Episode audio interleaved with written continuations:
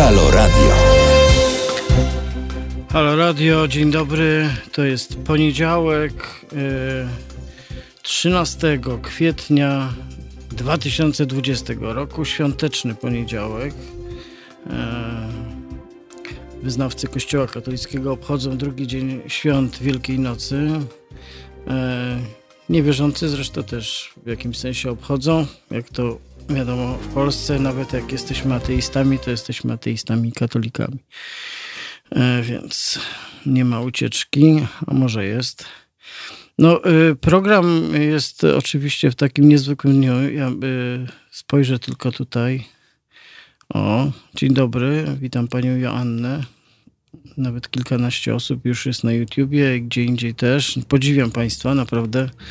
Gdyby nie to, że to jest moja praca, to chyba, nie wiem, to jest taki dzień, w którym o tej godzinie bym się nie zrywał, delikatnie mówiąc. Spróbuję jakoś, spróbujemy tutaj z Tamarą ten program dzisiaj z Państwem poprowadzić tak spokojniej. E, co prawda, czasem te tak zwane święta, czy już się mylą nam, czy to są święta, czy to są takie same dni dziwne, dziwnie się toczące. E, wypoczynku wielkiego nie było. No cóż, będziemy rozmawiać przez, e, przez te trzy godziny z Państwem. E, liczę na to, że może Państwo się włączycie, tak jak to właściwie woła oto nazwa tego radia, które przypomnę nazywa się Halo Radio. I można do niego dzwonić. Mamy numer telefonu 22 399 nie, 390 59 22. O taki. E, I też zapraszam Państwa, ale zacznę jak zwykle powoli, jak żółw ociężale. E, od e, krótkiego fragmentu książki powieściowej prozy Eduardo Galeano, urugwajskiego pisarza, tutaj mojej małej Biblii, prawda, haloradiowej. Galeano tę książkę napisał tak, że każdy dzień ma przypisaną do siebie historię, albo inaczej mówiąc, każda historia w tej książce przypisana jest do konkretnego dnia i jakby na to nie patrzeć, dzisiaj 13 kwietnia też mamy taką historię i będę w takim razie czytał.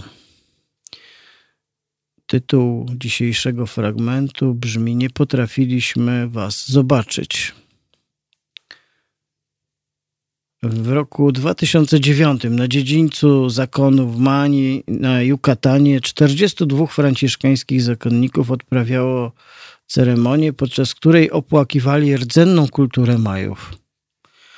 Prosimy lud Majów o wybaczenie za to, że nie zrozumieliśmy ich wizji wszechświata, jego religii, za to, że odmówiliśmy ich bóstwom prawo do istnienia – za to, że nie uszanowaliśmy ich kultury, narzuciliśmy na wiele wieków religię, której nie rozumieli, i za to, że demonizowaliśmy ich wierzenia, uznaliśmy, że ich praktyki religijne są dziełem szatana, a bogowie wcieleniem samego diabła. Cztery i pół wieku wcześniej w tym samym miejscu inny franciszkański zakonnik Diego de Landa spalił księgi Majów przechowujące osiem stuleci zbiorowej pamięci. To był Eduardo Galeano, fragment powieści Dzieci Czasu z kalendarza dziejów ludzkości, wydawnictwo WAB, tłumaczyła pani Katarzyna Okrasko.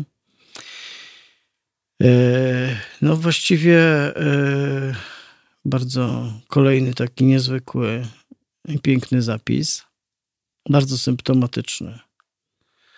Bardzo lubię to w tym czytaniu Galeano na wyrywki bo zasadniczo w 90 paru procentach nie sięgam, nigdy nie zaglądam wcześniej, co przyniesie, co przyniesie Galeano na, na kolejne radiowe spotkanie i, i bywam tym, a czasami również nasi rozmówcy, rozmówczynie, bardzo pięknie i dziwnie zaskoczeni.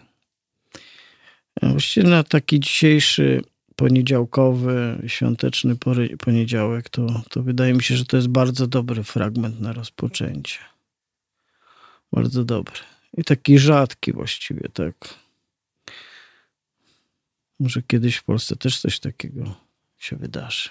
Wystąpi jakaś grupa i mówi, przepraszamy Słowian z ich światowidami, innymi duszkami, świteziankami, czarownicami, że nie zrozumieliśmy waszej kultury, że narzuciliśmy wam kulturę, której, religię, której nie rozumiecie, religię w imię której musieliśmy was spalić na stosach, nie rozwijać nauki no i tak dalej, i tak dalej.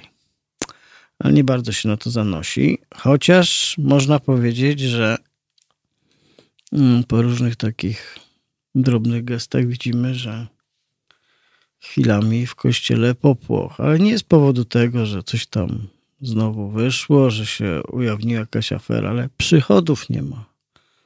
Największy dramat współczesnego kościoła to nie to, że nie umiał powiedzieć o tym, co to znaczy, że Chrystus zmartwychwstał, tylko że przychodów nie ma.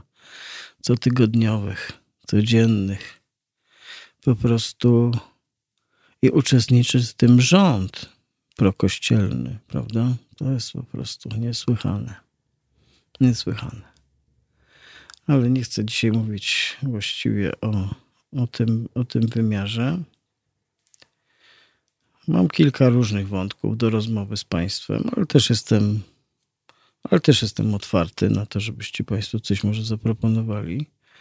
Yy, na pewno będę Będę panu, Państwu jeszcze dzisiaj coś czytał, bo tak sobie jadąc tutaj do radia pomyślałem, że właściwie gdyby nie istniały książki, to ja bym chyba w ogóle nie umiał przychodzić do radia. Nie dałbym rady, bo właściwie co bym mówił? Tak bym siedział, tak bym gadał. Czasami tak siedzę i gadam, ale mimo wszystko to jakieś ma takie zakotwiczenie. Zakotwiczenie w treściach innych. I dzisiaj też o tym będzie. Mało tego, mam dzisiaj Państwa zaskoczę. Chyba pierwszy raz akurat już to robię. Jestem w tej sprawie, jestem tak zwanym recydywistą. Już to robiłem i będę to robił. I robiłem to w innych miejscach radiowych. Czytam, czytam pewien poemat, mniej więcej w tym samym czasie. I dzisiaj go też przeczytam. Ale żeby Państwa podtrzymać w niepewności, to ani nie powiem, co to za poemat, ani kto go napisał, ani właściwie dlaczego tak bardzo oczywiste jest, że dzisiaj się go czyta i właściwie dlaczego dobrze go przeczytać, dlaczego w ogóle dobrze czytać tego autora, nazwijmy go autorem, nie rozstrzygając jeszcze o jego płci. E, chociaż zasadniczo tutaj mamy jasność. Zaczyna się taki dzień, y, tydzień właściwie. Ten tydzień się zaczyna, to jest ostatnie, ostatnie trzy dni, kiedy chodzimy, y, chodzimy bez tak zwanych maseczek, aczkolwiek ja właśnie dostałem wczoraj maseczkę. Czyli ja mam zawsze maseczkę, można powiedzieć, jak to mówią niektórzy. Y, maskowaliśmy się zanim to było modne, prawda? Ale, ale tak. O maseczkach też chcę pogadać. O tym mam taką specjalną maseczkę, co się na ucho zakłada. I tak wiadomo, że już ją źle złapałem, źle ją trzymam, źle ją założę, źle ją zdejmę, źle ją przytknę do twarzy, źle ją odetknę. I to jest też taki wątek, o którym chciałem porozmawiać, kiedy już mamy kolejny tydzień takiego zmagania, zmagania się z, z, z pandemią koronawirusa. I z tej perspektywy polskiej ja mam takie poczucie, że przy ilości mediów, które mamy i takich infogodzin, które są wypełnione, jednak jest wstrząsające, jak nie dostajemy prostych, przejrzystych informacji przekazywanych w spójny, czytelny i być może różnorodny sposób, ale w takim sensie, że inaczej te informacje powinny być skierowane pewnie do dzieci, inaczej do młodzieży, inaczej do dorosłych, dzieląc społeczeństwo na takie trzy grupy tylko. Ale to się nie dzieje. Mamy po prostu jakiś taki wielogłos, e, często bardzo spójny. I teraz w ogóle nie wchodzę w jeszcze, bo też pewnie o tym będziemy dzisiaj rozmawiać, nie wchodzę w ocenę tego, e, jak się zachowuje władza, a czego od nas żąda, bo to jest jakby jeszcze inna kwestia. Ale mamy jakieś całe segmenty gigantyczne władzy i jej różnych narzędzi, instrumentów, instytucji, które właściwie powinny wydać z siebie bardzo proste, czytelne mm, przekazy w tej sprawie. A tak się nie dzieje. Prawda? Na przykład, nie wiem, mamy ministra zdrowia, który na dodatek jest profesorem medycyny. I na dodatek sprawia wrażenie, że jest zmęczony, czyli zapracowany, czyli w ogóle jest super i w ogóle jest, zaraz będzie najlepszym kandydatem na urząd prezydenta, chociaż nie do końca wiadomo, E, nie potrafimy e, zweryfikować ani zewaluować tego, co naprawdę zrobił. No takie sprawia wrażenie, ponieważ dzisiaj władza generalnie oprócz zamordyzmu polega na sprawianiu wrażenia, no to on takie sprawia wrażenie. Ale on sam e, wydawał z siebie zupełnie sprzeczne, odmienne, nie do pogodzenia komunikaty na temat tych nieszczęsnych maseczek, które właśnie decyzją parlamentu i weszły mm, od czwartku, będziemy musieli je nosić obowiązkowo na zewnątrz, chociaż e, jak czytam na przykład wytyczne WHO, które tu sobie gdzieś przywiozłem, to właściwie to jest jakiś bezsens. WHO, czyli Światowa Organizacja Zdrowia, mówi, że, żeby, że noszenie przez zdrowych maseczek jest kompletnie bezsensowne. Ja się gubię jest bezsensowne dlatego, że jak się zakłada maseczkę, to ona właściwie natychmiast wilgotnieje. Jak wilgotnieje, to stwarza środowisko dużo bardziej sprzyjające temu, że ten wirus tam się przytuli i tak dalej, i tak dalej. Nie mówię już o przepustowości tych maseczek, o technice ich ściągania, technice ich oczyszczania, sterylizowania, prania, prasowania, nie wiem czego tam jeszcze, może w mikrofalówce można jeszcze maseczkę. E, to jest właściwie nie wiem, dlaczego nie dostaliśmy. Kupcie wszyscy mikrofalówki, najlepsze są wpis AGD, niedrogo, malutkie takie, prawda, na jedno jajko albo na jedną maseczkę. E, więc, y, więc nie dostajemy takiego komunikatu, prawda? Dostajemy za to komunikaty sprzeczne ze sobą albo durne.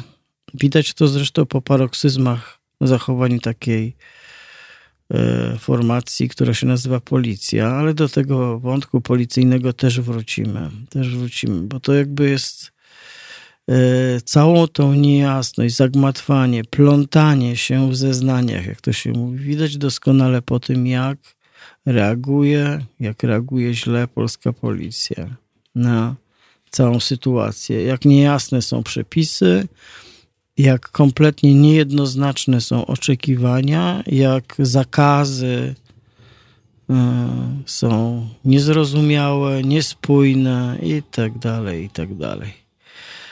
No, ale to wszystko, wszystko dopiero nas czeka. Wszystko nas dopiero czeka, a teraz nas czeka, teraz nas czeka muzyka ale żeby nas czekała muzyka, to ja muszę się zorientować, jaka to będzie muzyka, ponieważ mamy obowiązek po prostu zapowiadania konkretnych formacji e, i konkretnych formacji i konkretnych piosenek. No to, to co? To ja zapowiadam. To będzie Earth, Wind and Fire i September. Nie wiem czemu September akurat, ale niech będzie September.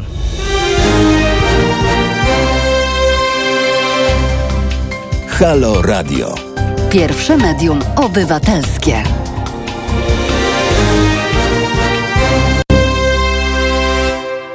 Halo Radio to jest poniedziałkowy, świąteczny poranek e, w Halo Radio. Jest 13 kwietnia 2020 roku. Roman Kurkiewicz. Jestem z Państwem od godziny 7 i będę z Państwem do godziny 10. E, zadzwonił do nas słuchacz. Dzień dobry.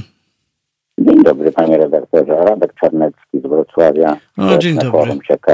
Witam pana redaktora. Dzień Jak sobie oglądam e, mm, to, co pan mówi, słucham. Pan przytoczył niejakiego, że tak się wyraża, Galeano odnośnie spalenia 800 lat kultury Majów. Ja bym chciał dodać taką rzecz, e, taki, e, taki element historii naszej europejskiej, zachodniej. W połowie XVI wieku na Uniwersytecie w Valladolid w Hiszpanii odbyła się słynna debata między de las Casasem a Guinnessem de Sepulvedą. Chodziło o to, czy Indianie mają duszę. Casas, który był obrońcą Dominikaninem zresztą. Bartolomeo, z tego co pamiętam, tak, miał na imię. Bartolomeo de las Casas, on był chyba Dominikaninem albo Franciszkanem. Dominikaninem chyba był, tak. Dominikaninem, nie pamiętam, ale on był obrońcą w zasadzie Indian. On udowadniał, że oni mają duszę i że są ludźmi. Natomiast y, królewski filozof, teoretyk Sepulveda mówił, że ponieważ oni nie mają duszy, nie będę tu wchodzić w zawiłości, to nie są ludźmi. I po prostu to Sepulveda, jak widzimy całą potem tradycję kolonializmu zwyciężył. No, nawet, y, dlaczego to o tym mówię, że nawet w świetle samej, powiedzmy, kazania na górze, czy Biblii, czy przekazu tej miłosierdzia, jeżeli komuś odmówimy duszy, to jemu te wszystkie przymioty nie przysługują. E, na koniec chciałbym panu powiedzieć i słuchaczom taką rzecz. No, napisałem taki króciutki tekstik, na strajku się ukazał liberalizm a faszyzm. A teraz piszę trochę szersze uzasadnienie. Liberalizm doskonale będzie mógł funkcjonować z faszyzmem, chociaż dla niektórych może się to wydać kuriozalne. Bo jeżeli wolności, demokracji, człowieczeństwa komuś odmówimy, wykluczymy go, postawimy go poza tą zbiorowością ludzką, to będziemy doskonale funkcjonować. I to jest y, taka moja smutna refleksja, patrząc na historię naszej zachodniej, europejskiej kultury. To tylko tyle chciałem powiedzieć. Bardzo dziękuję, panie Radosławie, bardzo dziękuję za telefon i za tą wypowiedź. E, rzeczywiście postać, którą pan przywołał, czyli Bartolomea de la Casas, to jest taka rzeczywiście niezwykła, świetlana postać. E, jedna z niewielu zresztą związanych z Kościołem katolickim z tamtego czasu. E, zachowało się zachował się, zachowała się jego taka praca, która właściwie była z tego już nie pamiętam, tę książkę, tę książkę czytałem w końcu lat 80., chociaż do niej wracam co jakiś czas. Hmm. Yy, ta książka się zachowała. To jest krótka relacja o wyniszczeniu Indian. I to jest książka napisana rzeczywiście mm, na początku, na początku w połowie XVI wieku. W połowie XVI wieku. E, rzeczywiście de la Casas, który był dominikaninem, był takim radykalnym obrońcą. Ja tu nie chcę wchodzić w te wątki teologiczne, czy chodziło o duszę. No po prostu, e, co, co brzmi e, bardzo kuriozalnie, po prostu widział w ludziach zamieszkujących Amerykę Południową, do których dotarli Hiszpanie jako konkwistadorzy, po prostu widział ludzi. I to było najbardziej niezwykłe doświadczenie z tamtych czasów, ponieważ pozostali jego konfratrowie i inni, e, akurat ten aspekt im umknął tego. Znaczy, umknął im całkowicie, że to są ludzie, że to są tacy sami ludzie jak oni. Mało tego, że mogą mieć kulturę, która jest starsza od, od wielu innych e, e, kultur ówczesnego świata.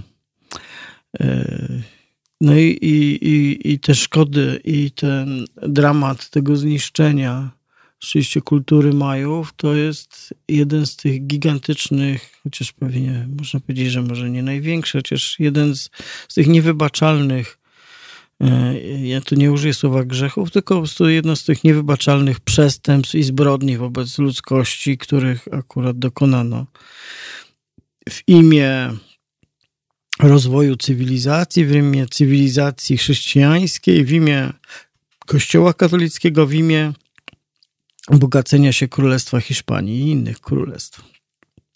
Więc rzeczywiście Bartolomeo de la Casas tutaj zapisał jasną kartę, jasną kartę, chociaż jak e, dzwonił, jak mówił nasz rozmówca telefoniczny e, w debacie, w debacie okazało się i w szczególności po tym, co po debacie publicznej się odbyło, przegrał. ten wątek, ten sposób patrzenia na tę historię nie był aktualny. Dzisiaj tak naprawdę żyjemy też w czasie, w którym cała ta europocentryczna taka dominacja, w tym kulturowa, ona oczywiście od wielu, wielu lat ulega osłabieniu, zróżnicowaniu, staje się nie taka wszechobecna, ale wciąż właściwie dominuje. Wciąż dominuje. E, e, chociaż z tego co wiemy, to nie, to nie jest bezdyskusyjny przecież pogląd, delikatnie mówiąc, delikatnie mówiąc. I historia kultury ludów zamieszkujących ludów zamieszkujących południową e, Amerykę i ich kultur, i ich zabytków kultury, ich osiągnięć najróżniejszych jest, jest doskonałym tego, jest doskonałym tego przykładem. No cóż, tak to właśnie wyglądało. To ciekawe, że do tego Della Casasa tutaj dowędrowaliśmy. To bardzo, bardzo, bardzo celna, bardzo celna uwaga i bardzo, bardzo ważna. To jest malutka książeczka, malutka książeczka, nieobszerna. E, I ma taką wymowę zupełnie wstrząsającą, bo można powiedzieć, że z jakiegoś punktu widzenia można by ocenić, że Della Casas mówi oczywistości, ale po pierwsze, ani wówczas, ani dzisiaj yy, okazuje się, że nie są to aż takie oczywistości, których moglibyśmy się, których moglibyśmy się spodziewać. Więc to rzeczywiście jest yy, książka warta przypomnienia, książeczka właściwie, bo to jest taki, taki to jest właściwie taki rodzaj kazania, no. Taki rodzaj kazania, który próbuje powiedzieć taką rzecz oczywistą, czyli że ludzie, których nazywamy Indianami, bo, bo Europejczycy nie bardzo wiedzieli, dokąd przybyli tak naprawdę wtedy przecież. E, mieli swoją kulturę, swoje wierzenia, czasami też okrutne rytuały, tak jakby chrześcijaństwo nie miało swoich okrutnych rytuałów. No i tak to właśnie wygląda. No tośmy zaczęli nieźle. No ale Eduardo, Eduardo Galeano, zresztą ja chyba na razie jeszcze się nie spotkałem u niego z De La Casasem, ale trochę nie chce mi się wierzyć, że w książce on się w ogóle nie pojawia. Ale dzisiaj Państwu tego nie znajdę, że trafimy wreszcie na ten dzień, na ten słynny dzień, w którym będzie De La Casas. Może kiedyś poszukam specjalnie. Chociaż ci Franciszkanie, którzy w 2009 roku, czyli stosunkowo niedawno, dekadę temu przeprosili lud Majów, no to powiem tak, to się zachowali prawie jak de la Casas. Też do nich dużo dotarło, ale też nie bardzo pewnie ich posłuchano. Dobrze, jak ich nie słuchano, no to w takim razie my sobie posłuchamy, bo to jest Halo Radio, spokojny, poniedziałkowy, poniedziałkowy poranek, świąteczny, jak to mówiłem. Dzisiaj jest czas lania wody, więc tak będziemy sobie spokojnie lać wodę dzisiaj w radiu. A będzie śpiewał nam Queen. Oczywiście The Show Must Go On. No cóż, co robić? To niech trwa.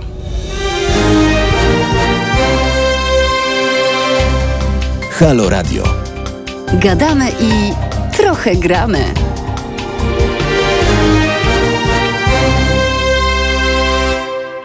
Halo Radio to jest poniedziałkowy poranek, e, drugie święto wielkanocne dzisiaj.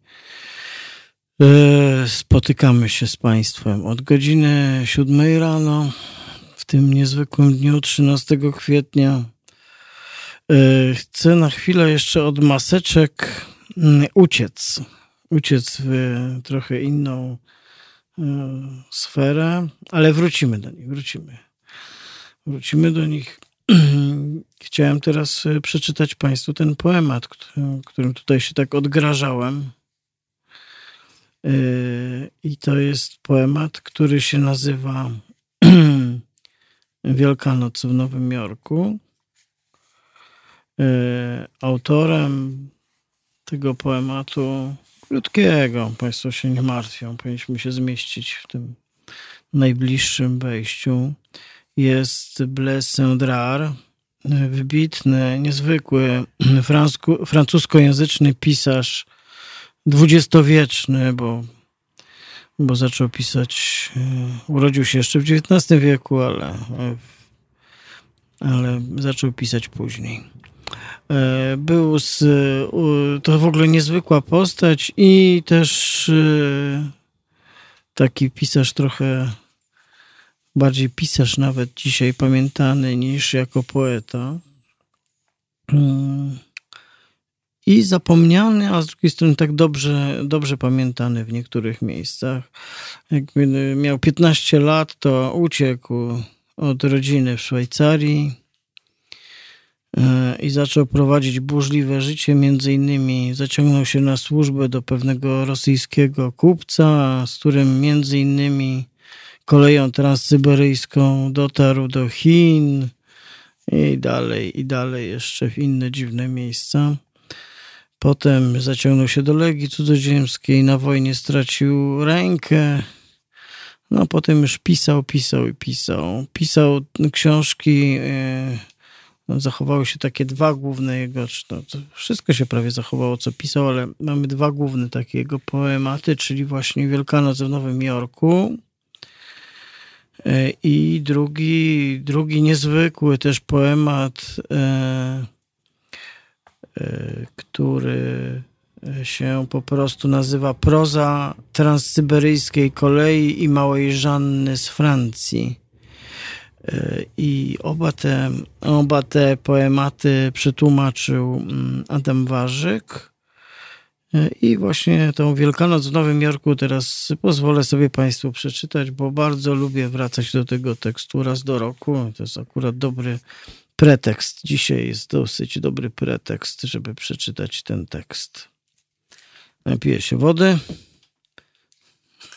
a potem już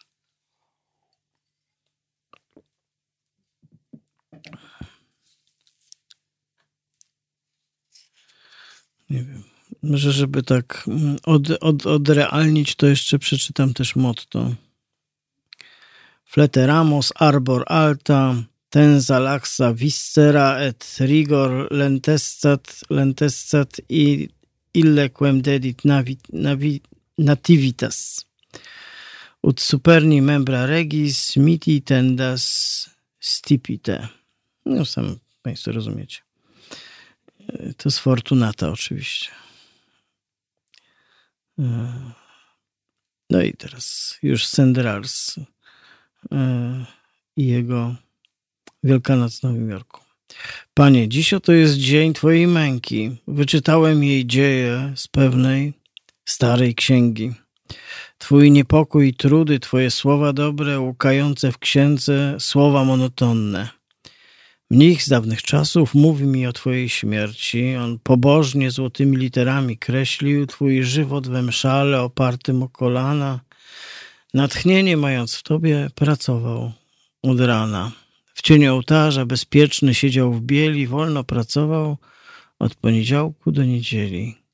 Godziny przystawały na progu zacisza. On pochylony nad dziełem prawie nic nie słyszał. Na nieszpór dobiegało od dzwonów psalmowanie i braciszek nie wiedział, co tak dźwięczy, panie, jego czy twoja miłość, czy może twój ojciec do wrót klasztornych potężnie łomoce. Dziś jestem jak ten dobry mniszek, jestem niespokojny. Za ścianą smutny, milczący ktoś stoi, czeka pod drzwiami, czeka na zaproszenie do izby.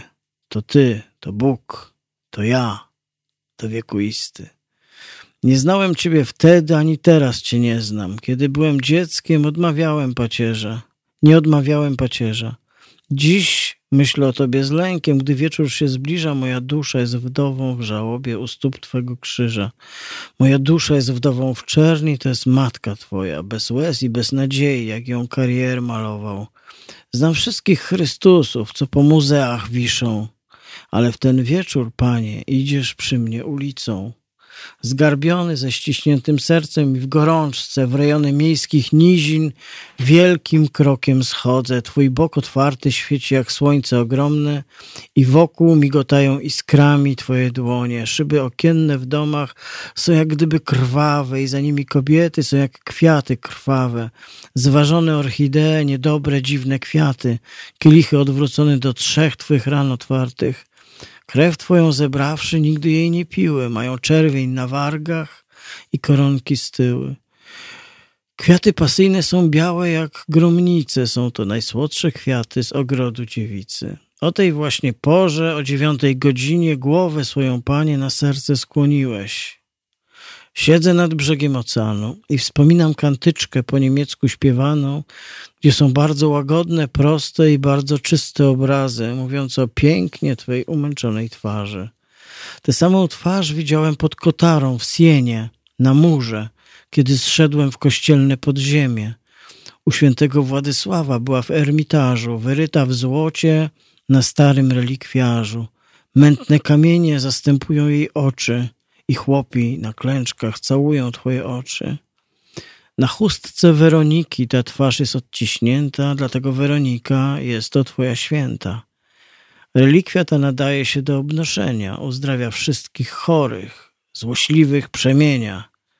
Tysiąc i tysiąc innych jeszcze cudów czyni, lecz mnie się nie zdarzyło być obecnym przy nich.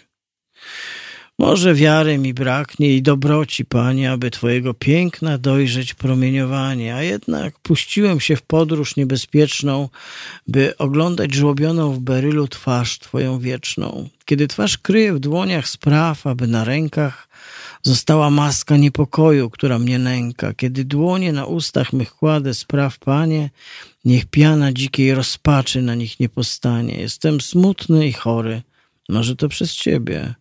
Może przez kogo innego, a może przez ciebie. Panie, tłumy ubogich nocują tutaj w gospodach. Cierpiałeś za nich, a oto leżą stłoczeni jak trzoda. Ogromne czarne statki płyną od horyzontów, na ląd ich wyrzucają po morzach z pontonów. Są Włosi, Grecy, Persowie, Hiszpanie, są Mongołowie, Bułgarzy, Rosjanie. Jak zwierzęta cyrkowe skaczą przez południki z czarnych ochłapów mięsa ktoś im rzuca posiłki. Szczęściem są dla nich najpodlejsze porcje. Panie, spójrz litościwie na ludy cierpiące. Panie, po gettach tłum Żydów się mrowi i z Polski ciągle napływają nowi. Pod mosiężnymi lampami w ciasnych kramach siedzą, handlują żelazem, książkami i starą odzieżą. Takimi Rembrandt malował ich z troską. Ja dziś wieczorem sprzedałem mikroskop. Niestety, po Wielkanocy ciebie tu będzie brak nam. Panie, ulituj się nad Żydami w barakach. Panie, skromne kobiety, które na Golgocie były przy tobie, kryją się w norach. Na plugawej sofie brukane są przez nędzę wśród męskiego tłumu. Spirytus zjadł ich siły i w oparach rumu skrywają zatwardziałe skłonności do grzechu. Panie, gdy któraś gada, odchodzę w pośpiechu. Chciałbym być tobą, by kochać prostytutki. Panie, spójrz litościwie na prostytutki. Panie, w tej dzielnicy wielu się złodziei, paserów, włóczęgów i hultajów gnieździ. Myślę o dwóch łotrzykach ukrzyżowanych z tobą. Wiem, żeś się raczył użalić nad ich niedolą. Jeden chciał sznura z pętlą i nie dostał, panie. Dwadzieścia su trzeba płacić. Sznury nie są tanie. Rezonował jak filozof, ten stary bandyta. Dałem mu opium. Niech o raj się czymś prędzej dopyta. Myśl również o muzykantach grających przed szynkiem, o ślepym skrzypku, o jednorękim, co kręci katarynkę, o śpiewaczce w słomkowym kapeluszu z papierową różyczką. Przez wieczność wędrować będą ze śpiewem i muzyczką. Panie, który im dajesz jałmużnę gazowego świata, światła, Panie, daj im jałmużnę w pieniądzach tego świata. Zasłona się rozdarła, gdyś ducha wyzionął, ale nikt nie powiedział, co tam zobaczono. Ulica jest jak rozdarcie dojrzane po ciemku, pełne złota i krwi ognia i obierków. Ci, których wypędziłeś biczem z kościoła, rózgami występków chłostają przechodnia – Gwiazda, co zniknęła nad tabernakulum, płonie na murach w krzykliwych światłach spektaklów. Panie, bank oświetlony wygląda jak szkatuła, gdzie po śmierci zastygła krew twoja czuła. Ulice pustoszeją i stają się czarne, jak pijany zachwiałem się nad trotuarem. Boję się cieni od fasad, leżą jak wielkie kłody, boję się, ktoś idzie za mną, nie odwrócę głowy. Coraz to bliżej słyszę kroki rozhukane, boję się, w głowie zamęt, umyślnie przystanę. To drap jakiś okropny przeszył mnie jak ostrzem, złowrogim mnie spojrzeniem przeszył. Potem odszedł. Nic się nie zmieniło, panie, odkąd przestałeś być królem. Zły duch się twoim krzyżem podpiera jak kosturem. Schodzę do herbaciarni po spadzistych schodkach i oto siedzę przed szklanką herbaty. Chińczycy uśmiechają się do mnie plecami. Przystają pochyleni, uprzejmi jak figurki. Lokalik jest nieduży, czerwono-tynkowany i barwne litografie są oprawione w bambus. Hokusai namalował górę w stu ujęciach. Jakby twoje oblicze namalował Chińczyk. Uśmiechnąłem się zrazu, gdym pomyślał o tym, jakbym w skrócie ujrzałem, panie, twą Golgotę. Lecz ów malarz okrutniej by w swych obrazach niż malarze zachodu męki Twe ukazał. Ciało by krajały wyginane piły, obcęgi grzęple w nerwy by się wpiły. Żelaznym łomem łamano by łokcie, wyrywano by zęby i paznokcie. Gromada czarnych smoków byłaby Cię opadła i płomienie oddechem wtłaczałaby do gardła. Wyszarpnięto by język, wyłupiono oczy, na kół by Cię wbito i tłum by Cię otoczył, Najgorszą tedy hańbę byłbyś cierpiał, panie, ta pozycja okrutna jest nad porównanie. Potem by cię rzucono wieprzą do koryta, żeby pożarły twój brzuch i jelita. Zostałem teraz sam, inni poszli na miasto. Wyciągnąłem się oto na ławce pod murem. Chciałem wejść, panie, do pobliskiego kościoła, lecz nie ma, panie, dzwonów. Nie ma ich w tym mieście. Myślę o zamilkłych dzwonach. Gdzie są dawne dzwony? Gdzie są litanie? Gdzie słodkie antyfony, gdzie długie nabożeństwa i piękne kantyki, gdzie są liturgie, gdzie są muzyki, gdzie są dumni prałaci, gdzie są twoje ksienie, gdzie biała alba świętych sakralne odzienie. Radość niebiańska w prochu się tarza, ognie mistyczne nie lśnią na witrażach, świt się jeszcze ociąga, w ciasnym pokoiku ukrzyżowane cienie konają na tynku. Jest to nocna Golgota, co w lustrze się mieni na czarnym tle migocąc strugami czerwieni. I dym u lampy jest jak wypłowiała szmata, co skręcona dokoła twych bioder się splata, a górą blada lampa, co nad stołem zwisa, jest jak twarz twoja smutna, martwa i bezkrwista. Niezwykłe jakieś błyski na szybach pokutują, lękam się, smucę się, panie, że jest mi tak smutno. Dic nobis Maria, quid vidis tie in via, światło porankowe drżące w kornym pokłonie. Dic nobis Maria, quid vidis tie in via, jaśnienie gwałtowne, dygocące jak dłonie. Dic nobis Maria, quid vidis tie in via, pierwsze znaki wiosny drgające w moim łonie. Panie, już się odwinął zimny całun świtu, drapacze chmur obnażył u samego szczytu, już po mieście rozpętał się hałas szalony, wybiegają, stukoczą, defilują wagony, kolej podziemna pędzi i huczy w głębinach, już mostami wstrząsają pociągi na szynach, miasto drży, ognie, dymy, krzyki niemilknące, już parowe syreny, wyją jak w nagonce, tłum rozgorączkowany, trudząc się dla złota, wpada gdzieś w korytarze, tłoczy się i miota Wśród kłębowiska dachów, które w dymie giną, słońce to twoja twarz, obryzgana plwociną. Panie, wracam zmęczony sam i bardzo mroczny. Mój pokoik jest goły jak grób. Panie, jestem zupełnie sam i mam gorączkę. Moje łóżko jest zimne jak trumna. Panie, zamykam oczy i dzwonię zębami. Jestem tu zbyt samotny, marznę. Wołam ciebie. I sto tysięcy bączków wiruje mi w oczach. Nie, sto tysięcy kobiet. Nie, to wiolonczele. Myślę, Panie, o moich godzinach nieszczęśliwych. Myślę, Panie, o moich godzinach zalatanych. Nie myślę już o Tobie. Nie myślę już o Tobie. To był Bless Rars, Wielkanoc w Nowym Jorku, kwiecień 1912 rok. E, a teraz mm, posłuchamy Nataszy Bedingfield i potem wracamy do naszej rozmowy i rozmów w Halo Radio. Halo Radio. Pierwsze radio z wizją.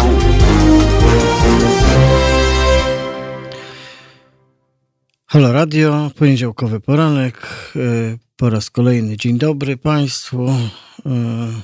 Y, niezależnie od wszystkiego, wszystkiego dobrego. Życzymy Państwu tutaj jako zespół. Okay.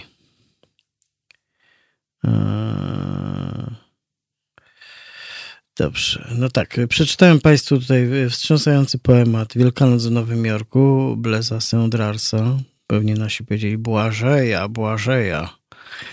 E, rzeczywiście Sendrars jest takim pisarzem e, zupełnie, zupełnie niezwykłym. Wydawany był w Polsce w latach 60. jeszcze intensywnie, potem jakiś taki wielki jego powrót w późnych latach 90 ale dzisiaj z powrotem zapomniane i to tak akurat jest okej okay, chyba. Z takimi pisarzami niezwykłymi jest właśnie tak. Ale chciałem, e, chciałem wrócić dzisiaj do takich wątków e, e, rzeczywiście bardziej aktualnych. Chciałem też czy miałem taką nadzieję, że Państwo też jakoś się włączycie do tej, tej rozmowy. O maseczkach specjalnie nie chcę pogadać, ale mm, no, tu był taki głos wśród słuchaczy, że nie powinniśmy słuchać autorytetów, tylko sami sobie wyrobić opinię. No. I to jest właściwie to jest taki typ y, odzywki, czy, czy takiego, takiego zdania, które z jednej strony coś w tym jest, z drugiej strony jest tym całkowita nieprawda też. No jest tak, że mamy pewne dziedziny wiedzy, w których jakby na to nie patrzeć, są ludzie, którzy są bardziej kompetentni, są ludzie, którzy są mniej kompetentni i są tacy, którzy są kompletnie niekompetentni, całkowicie. I teraz jest pytanie, mm, i tutaj nie mówimy o teologii, prawda? Pojęcie autorytetu generalnie związane jest raczej z innymi naukami.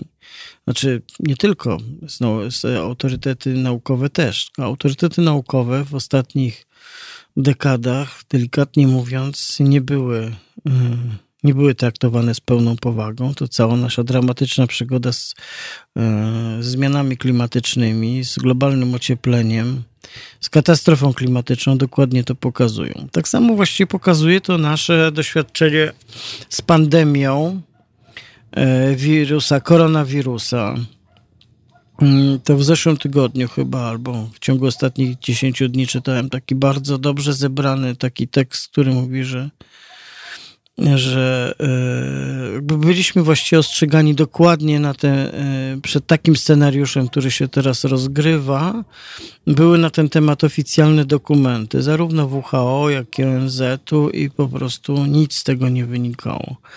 I teraz tak, w sprawie zachowania w czasie pandemii, no to powiem tak, że ja jednak e, bardziej ufam komuś, kto zawodowo się tym zajmuje, czy naukowo, epidemiologią, konkretnymi epidemi, epidie, e, e, o Jezu, konkretnymi choróbskami, ale też formami, epidemiami, a też e, sposobami radzenia sobie z tym. Znaczy, wiedza ludowa jest oczywiście fajna i ma dużo ciekawych rozwiązań, ale to nie jest tak, że jesteśmy w stanie sami dojść do każdej odpowiedzi. Oczywiście jest dzisiaj taki trend, żeby nie ufać i wszystko, wszystko sprawdzać. Tak się chyba nie da żyć po prostu. Tak się chyba tak, tak się chyba nie da żyć, żebyśmy sprawdzali każdą informację. Jeśli nie ufamy nikomu, ani żadnym źródłom informacji, właściwie jesteśmy bezradni, ponieważ musielibyśmy, musielibyśmy weryfikować wszystko, co do nas przypływa. I, i tak, ja teraz tak y, widzę, że jakby to się mówi, uderzymy w stół, to tak, bo się pojawia głos, o dojściu do opinii, dojściu do prawdy. Znaczy, czy jest, pytanie jest takie, czy jeśli jest prawda o maseczkach, są, wydaje się, dość proste, prawda? Są maseczki, jest konkretna choroba. Teraz no, nie jest takie proste, bo maseczki są różne, różną rolę odgrywają, różne role spełniają, przed niektórymi rzeczami chronią, przed innymi nie, przed innymi chronią mniej i drugie skuteczniej. Pytanie, kto ma je nosić? I to jest dosyć prosta wykładnia, tej wykładni nie dostajemy. Myślę, że to nie jest żadna wielka prawda jakaś, tylko to są po prostu pewne techniczne informacje, które można uporządkować w wiarygodny sposób. I akurat wydaje mi się, że mm, WHO jest dużo lepszym miejscem do, do wyrażania takich opinii niż bardzo wiele innych, innych rzeczy. To właściwie tyle. Generalnie jest tak, niezależnie od tego, czy maseczki, jakiekolwiek maseczki będą, mm, są e, skuteczną obroną, samoobroną, czy jakimś elementem naszego zmagania się z e, pandemią koronawirusa, niezależnie od tej odpowiedzi, mamy je od czwartku nosić. Nie wiem, jak na przykład funkcjonariusz policji, który w ogóle się miota teraz, każdy, mm, będzie sprawdzał, czy maseczka, którą nosimy, jest ok, czy nie. Czy wystarczy z kolei, jak piszą inni, obwiązać sobie głowę na przykład chustą. I teraz kto ma decydować o tym, które obwiązanie chustą jest skuteczne i nie podchodzi pod paragraf, a które podchodzi? Mnie to właściwie interesuje z, z, z, z tego punktu widzenia, bo akurat ten tekst, który ja czytałem na temat e, na temat e, WHO i tego, co tam, co tam powiedziano,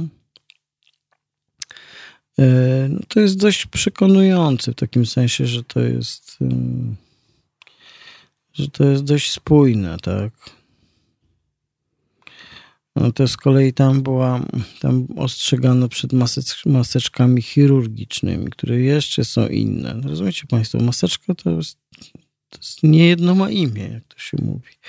I to, od czego ja zacząłem właściwie dzisiejszy program i to, czego mi brakuje, to, że takiego jasnego uporządkowania E, takich informacji i zaleceń. Znaczy, ilość źródeł, które mamy, opowieści, mądrości na temat tego, co powinniśmy i dlaczego robić, i ich niespójność albo wzajemne wykluczenie się, to jest to, co jest bardzo nieznośne, prawda?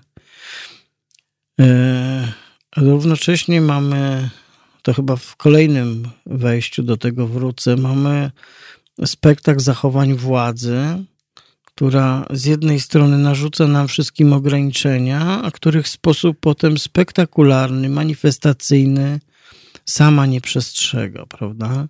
Wszystko to, ja akurat nie mam takiego mm, wrażenia, że jakby władza w Polsce najwyższa, tak zwana, się zachowała w porządku, że to jakoś by mnie wzbogaciło w sprawie zachowań związanych z koronawirusem, ale tu chodzi o inny wymiar, tu chodzi właśnie o władzę, tak? Czyli, że władza może nam coś narzucić, ale sama tego nie przestrzega i uważa, że tak jest ok. To przypominam sobie taką historię, jak szwedzka minister zapłaciła tam trzy korony za śledzia w sklepie z służbowej karty, bo nie wzięła swojej z domu, zapomniała i z tego powodu musiała się podać do dymisji.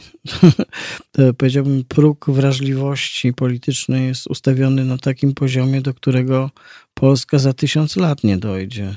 Jeśli oczywiście przetrwa, co jest, stoi raczej pod dużym, pod dużym znakiem zapytania. Okej. Okay. E, więc, e, ale do tego wątku, właściwie co tu się wydarzyło w końcówce ubiegłego tygodnia, czyli komu co wolno, to będę chciał wrócić w kolejnej, w kolejnym naszym, w kolejnym naszym wejściu. Oczywiście tradycyjnie e, zapraszam do telefonowania do nas, czyli 22 390 59 22 to jest numer telefonu naszego warszawskiego studia, gdzie jesteśmy. E, też można pisać do nas, ale to jest trudniej to wszystko tutaj odbierać na bieżąco. E, tak, szczególnie, że. No i też e, tradycyjnie apelujemy o to, żeby nas wspierać, bo dzięki temu, że nas Państwo wspieracie, to, to możemy działać. W zeszłym tygodniu, jeszcze powtórzę raz, podziękowania, które wyrażałem już w czwartek, udało się zebrać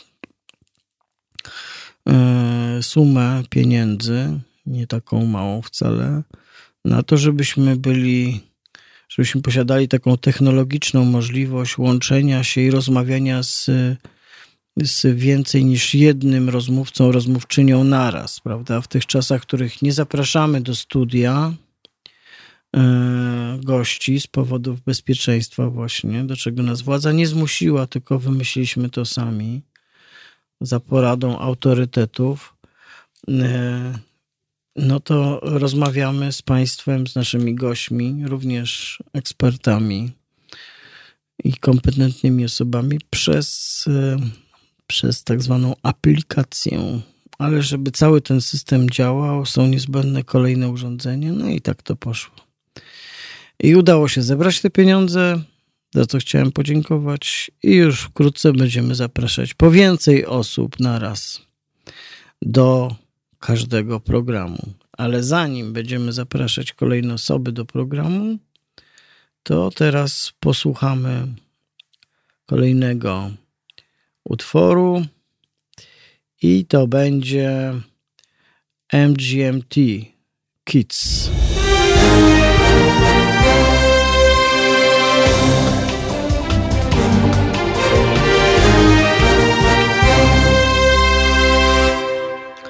Halo Radio to jest poniedziałkowy poranek 13 kwietnia 2020 roku.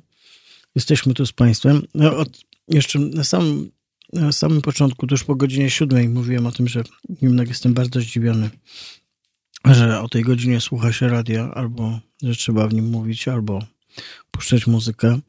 No ale nie wszyscy mają dar późnego i szansę na późne wstawanie, więc jesteśmy tutaj.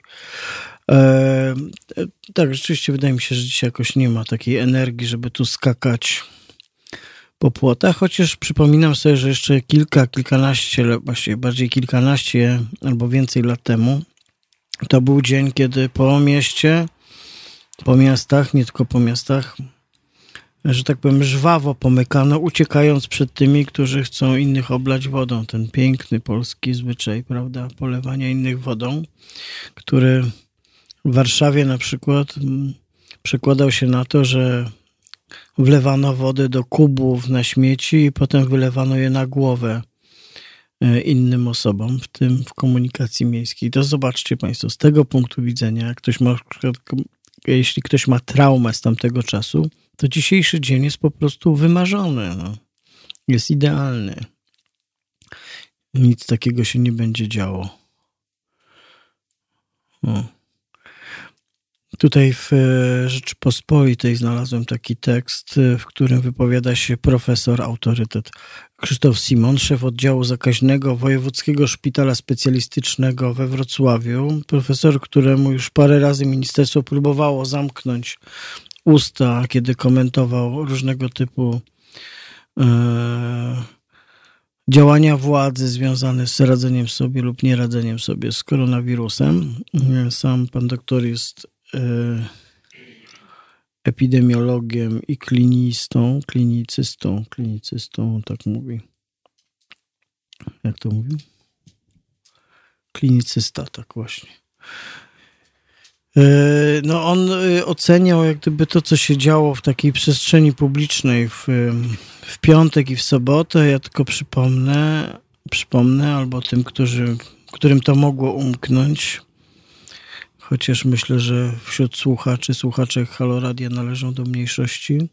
No obejrzeliśmy tak naprawdę taki spektakl, e, demonstrację władzy w wykonaniu Jarosława Kaczyńskiego i kilku tak zwanych formalnie najważniejszych osób w państwie, które ta demonstracja polegała na tym, że w momencie, kiedy właściwie wprowadzono restrykcje i gigantyczne obostrzenia w sprawie różnych naszych wolności, praw i tak dalej, i tak nie do końca jasne, nie do końca spójne, no to władza w postaci szeregowego posła Jarosława Kaczyńskiego, marszałków Sejmu na przykład, ministrów, premiera pokazała, że ich to nie dotyczy.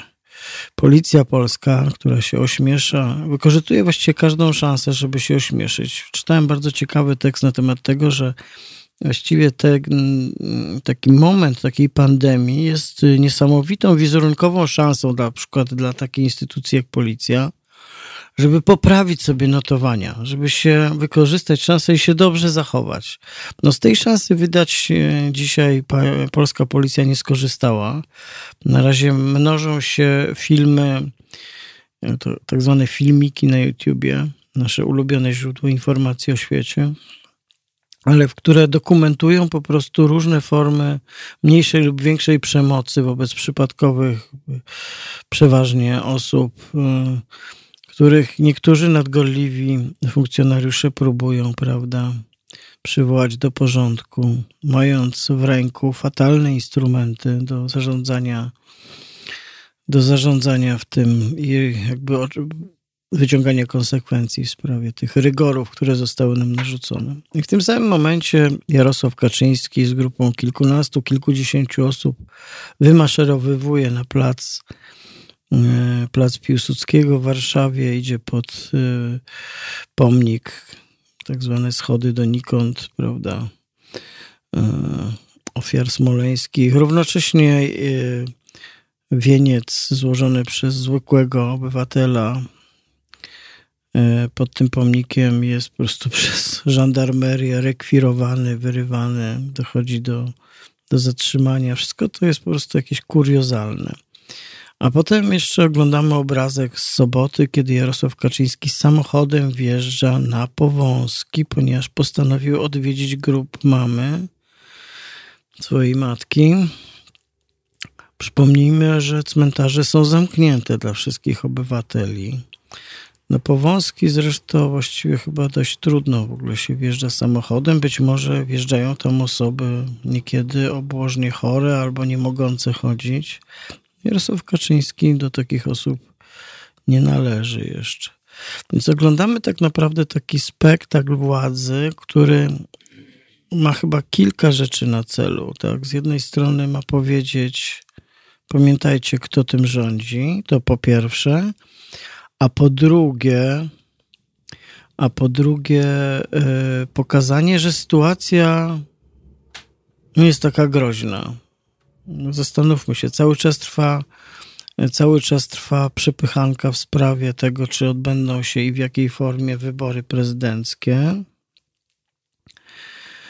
E, I to jest co pokazanie, że ponieważ Jarosław Kaczyński może iść bez maseczki e, na cmentarz albo na, albo zrobić manifestację, to, to wszystko jest ok. Wiadomo. Yy Zobaczymy. Mamy komunikat sprzed paru dni szefa Państwowej Komisji Wyborczej, sędziego, sędziego Sądu Najwyższego Administracyjnego Sylwestra Marciniaka, który, który zapowiada, że właściwie odbycie się wyborów jest po prostu niemożliwe. Szef PKW Państwowej Komisji Wyborczej ostrzegał w tym tekście, że suweren nie będzie mógł zdecydować, w czyje ręce powierzy swoje losy, że y, wybory te nie będą spełniały konstytucyjnych norm. E, ale jak będzie? Nie wiemy. Nie wiemy, bo nie możemy tego wiedzieć, bo przecież jeszcze, jeszcze Jarosław jeszcze Jarosław e, Kaczyński nie zdecydował, co się będzie działo czy będą wybory, czy nie będzie, jaki wariant tu się będzie rozstrzygał. I w tym sensie oglądamy też taką przepychankę między spektaklem, spektaklem władzy, a, a realnymi posunięciami władzy, które powinny sprawiać, że e, realnie mamy szansę lepiej przejść tę próbę niż gorzej, że może być mniej osób, chorych, zakażonych, ofiar śmiertelnych niż, niż w gorszym scenariuszu. Ja tutaj nie mam takiej poczuci, takiego poczucia, że, że wiemy, co się dzieje. Jakby z, z wielu miejsc w Polsce dochodzą bardzo niepokojące sygnały, apele. Właściwie jak ja czytam, że dyrektorzy szpitali albo lekarze z poszczególnych szpitali apelują o rękawiczki, maseczki albo kredki dla dzieci, żeby mogły rysować, to się zastanawia, gdzie jest to państwo? Gdzie jest to państwo? Czy ono w ogóle jeszcze działa? Czy to jest spójne? Bo że to jest nieprzygotowane, to właściwie już wiemy, tak? I że to są reakcje ad hoc, że to są reakcje, które powstają na gorąco, że to są reakcje, które często są improwizacją, że jak zwykle uruchamia się taki spektakl zakazów, które są łatwiejsze od wymyślenia e, e, najróżniejszych sposobów i poczynań, które mogą być dużo bardziej skuteczne, ale są, wymagają większego wysiłku, wymagają e, umiejętnego przekazania tego innym. Zakazywanie jest łatwiejsze. Tym jakby symbolem też, e, symbolem, w którym władza próbuje się zmierzyć i sprawić wrażenie, że sobie doskonale radzi e, z tą pandemią, są też, są też takie dziwne posterunki na drogach, gdzie stoją na przykład żołnierze czy policjanci z długą bronią. I właściwie nie wiadomo, do kogo mieliby strzelać. Mm. Cała rozmowa o maseczkach gdzieś związana jest z wymiarami tych wirusów.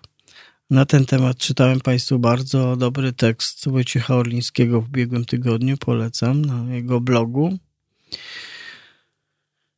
E, I właściwie wtedy wiemy, co w tym wszystkim jest rzeczywiste, a co jest kompletną iluzją. Chwilami już jestem zmęczony tym spektaklem, właściwie tym, że muszę cały czas być w teatrze. A jak ja nie lubię teatru na przykład, to dlaczego tak się dzieje? No ale tak się pewnie musi dziać. Tak się pewnie musi dziać. Okej. Okay. E, to cóż, to teraz tradycyjnie zajrzę tutaj do mojej czarnej skrzynki. Sheryl Crow teraz będzie dla nas tutaj śpiewać, a potem wracamy do kolejnych wątków. Jak mielibyście Państwo ochotę, to zapraszam do telefonowania do nas 22 390 59 22. Ustosunkuję się też do prośby o czytanie poematów innych niż taki jak Wielkanoc w Nowym Jorku. Nie chcę się wdawać tutaj w interpretację tego poematu, tak chciałem zostawić go Państwu. Chociaż chwilami mam wrażenie, że nie zostałem dobrze zrozumiany. Halo Radio. Halo Radio, poniedziałkowy poranek 13 y, kwietnia, to jest drugi świąt y, Wielkiej Nocy. Taki poniedziałek dziwny, Powinien, powinna się wszędzie lać woda, ale się nie leje, bo jest koronawirus. E, no, to jakieś różne, mniej lub bardziej poważne wątki się pojawiają w naszej rozmowie. W tym ostatnim wejściu próbowałem z Państwem nieudolnie porozmawiać o, e, o tym, co oznaczały te manifestacje władzy. Właściwie, właściwie manifestacja władzy Jarosława Kaczyńskiego, bo być może to było najważniejsze najważniejsze w tym wszystkim. Te obrazy zresztą zostaną, tak? To znaczy, że w oczach nas wszystkich, których dotyczą najróżniejsze obostrzenia, mniej lub bardziej sensowne, zostaną te obrazy, w których widzimy, że Jarosława Kaczyńskiego i ludzi wokół niego one nie dotyczą. Nie dotyczą. I wydaje mi się, że to jest e, rzeczywiście bardzo znaczące i takie symboliczne kiedy władza pokazuje nam, społeczeństwu, gdzie nas tak naprawdę ma. Bo to jest coś takiego. No Jarosław Kaczyński mm, generała Waltera Świerczewskiego nie przypomina i co prawda koronawirusowi się tutaj nie kłania. E, no, też nie chcę wchodzić w taki tryb złych życzeń, prawda? adresowanych wobec tego, e, tego szeregowego posła, aczkolwiek lista takich realnych przewin, wydaje mi się, ewidentnie, ewidentnie rośnie. Mówiłem wcześniej e, parę słów o policji, tak, która oczywiście nie reaguje w takich sytuacjach, bo kto miałby zareagować? Właściwie my się tak dziwimy, kto, że nikt nie reaguje. No policja jest przecież strukturą hierarchiczną. Nieprzypadkowo Właściwie niemal na wszystkich stanowiskach dowódczych są ludzie, którzy są wybrani przez tę formację polityczną. Te rozkazy idą z góry i spływają na dół. Największym, największą siłą oporu to można, to można po prostu nie robić nic, tak? Robić taki tajemniczy rodzaj mm, obstrukcji, takiego strajku włoskiego albo niezauważanie rzeczywistości. Pewnie wielu policjantów to robi. Zdarzają się jakieś anonimowe głosy, no bo przecież nie można jawnie napisać, że mandaty, które policjanci dzisiaj wystawiają, są bezprawne i policja ma tego świadomość, ale muszą to robić, tak, bo wykonują rozkazy. Na szali jest, na szali jest to, mm, co. Mm, co się dzieje, prawda? Mm,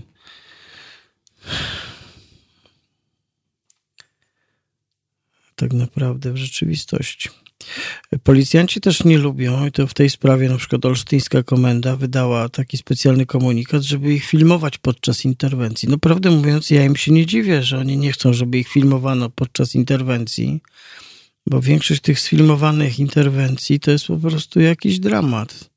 To jest dramat nadużywanie siły, nad, e, nadużywanie przemocy, kompletnie nieadekwatne środki wobec tego, co się tak naprawdę dzieje. Zawsze mnie to zadziwia jednak, ciągle mnie to zadziwia, że rzadko oglądamy taką determinację, e, kiedy jest potrzeba ingerowania funkcjonariuszy policji, a bardzo często wobec tych pojedynczych dziwnych osób, na które się rzuca po kilka, kilku funkcjonariuszy. No ale może tak to musi być. Funkcjonariusze grożą filmującym i osobom mm, tym, że nie wolno, że będą wytaczać procesy cywilne. To jest wszystko jakiś kuriozum jednak.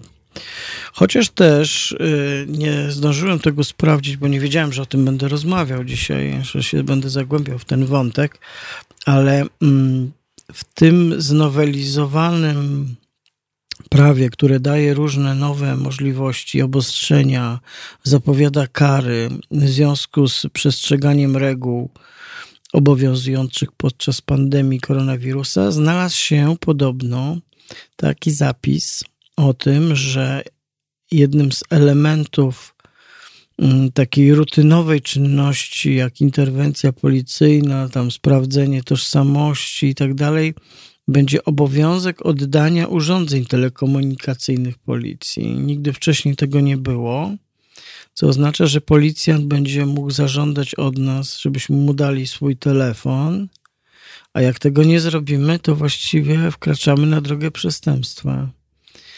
I o takich rzeczach jest cicho. Prawda? My też o tym nie mówimy.